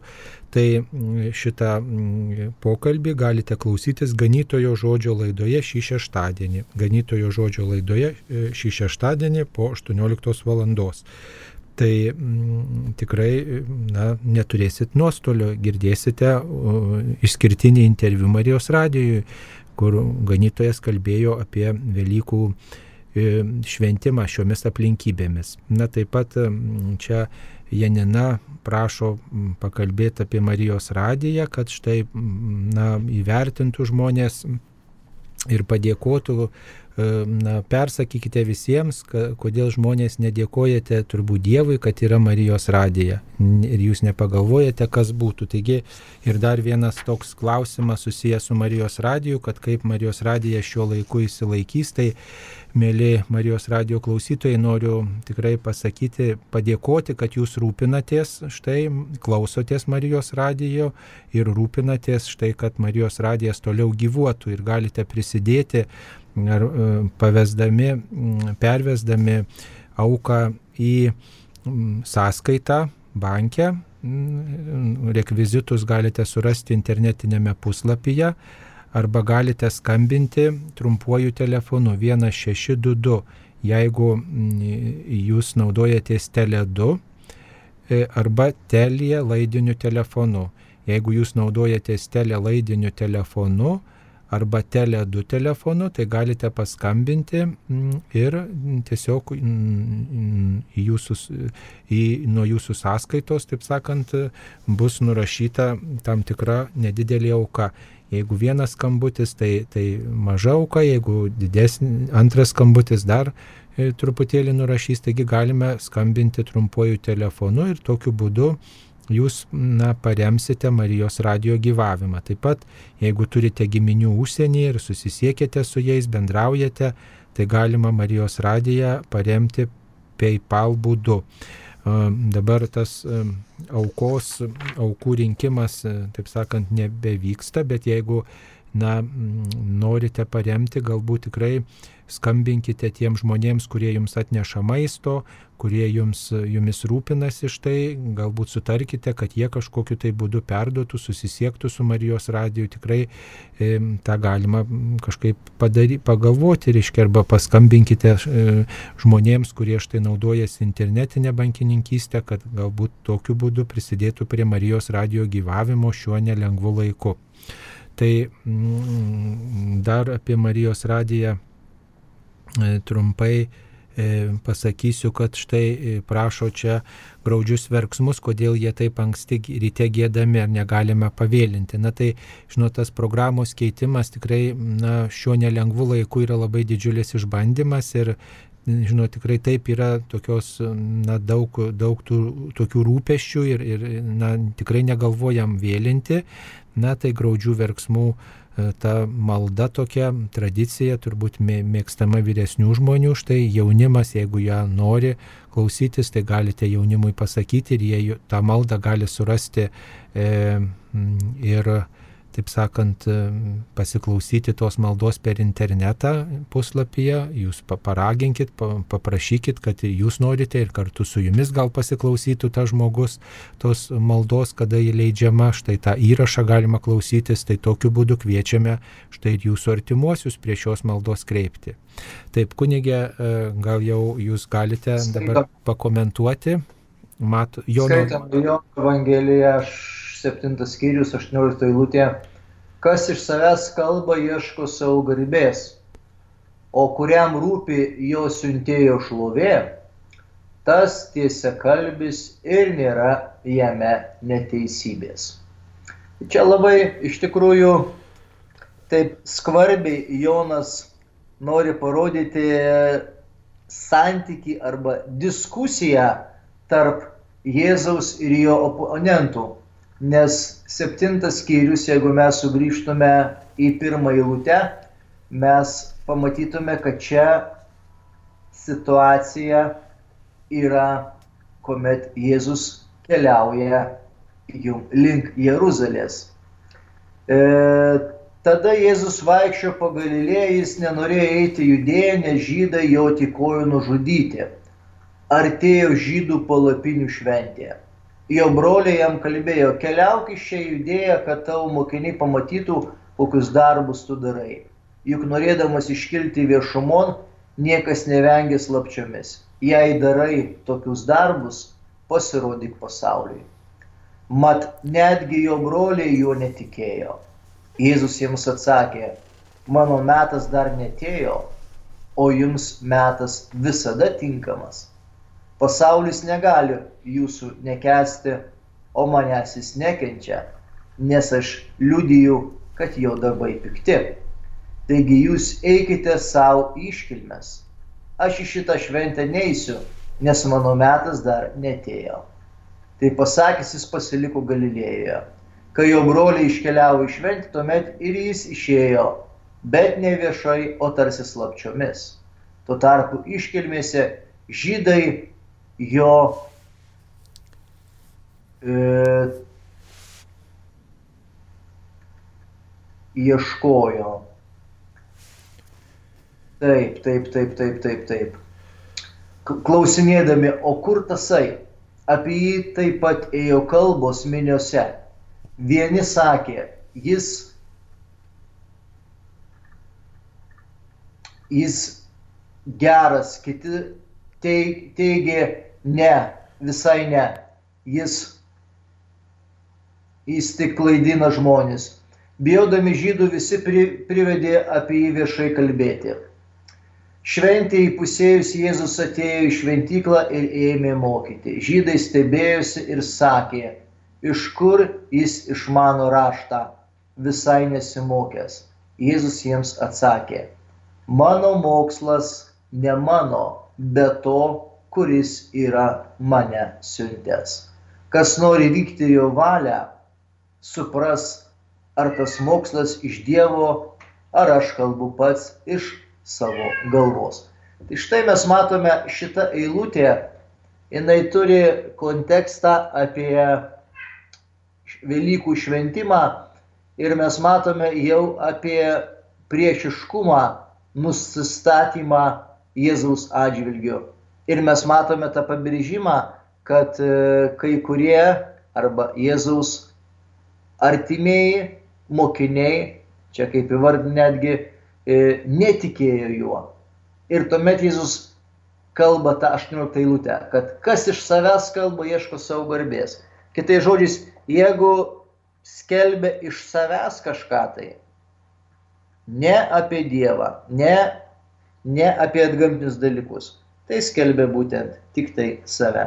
Bet Jėzus iš tikrųjų skelbia siuntėjo šlovę. O kuriam rūpi jo siuntėjo šlovė, tas tiesa kalbis ir nėra jame neteisybės. Ir ten yra iš tikrųjų toksai skirtumas, kad Jėzus būtent kalba tiesą. Ir ta tiesa tuos klausytojus žaidžia. O štai e, mokiniai galbūt arba ten Jėzaus aplink, aplinkos asmenys, jie dar iš tikrųjų dar baiminasi to kalbėjimo tiesos. Ir štai už tai šita eilutė mus iliustruoja, kad Jėzus jau turi tų priešiškų asmenų, kurie ir nusistatė jo atžvilgiu. Bet Jėzus išlieka tiesia kalbis. Tai yra, nu, graikiškai yra aletes, reiškia kalbantis tiesą, kalbantis teisybę, tas, kuris nebijo e, nieko. Ir už tai po truputėlį Evangelijoje gaun, auga įtampa. Įtampa tarp Jėzaus ir jo klausytojų ir netgi tarp jo priešų. Taip, tai ačiū. Ačiū kunigelinai už jūsų atsakymus. Mūsų laikas jau baigėsi. E, laidai skirtas laikas, tai tikrai džiaugiuosi, kad štai net ir nuotoliniu būdu sugebėjome dalyvauti kartu su jumis Klaus drąsiai laidoje. Ačiū klausytojams, liko dar kelios žinutės, bet jas atsakysime kitoje Klaus drąsiai laidoje. E, dėkoju kunigui Linui ir dėkoju visiems klausantiems Marijos radijo. Likime kartu. Prie mikrofono aš Saulis Bužauskas, o taip pat laidoje dalyvavo Vilkijos ir Seredžiaus parapijų klebonas kunigas Linas Šipavičius. Visiems sveikatos, vilties ir ramybės sudė.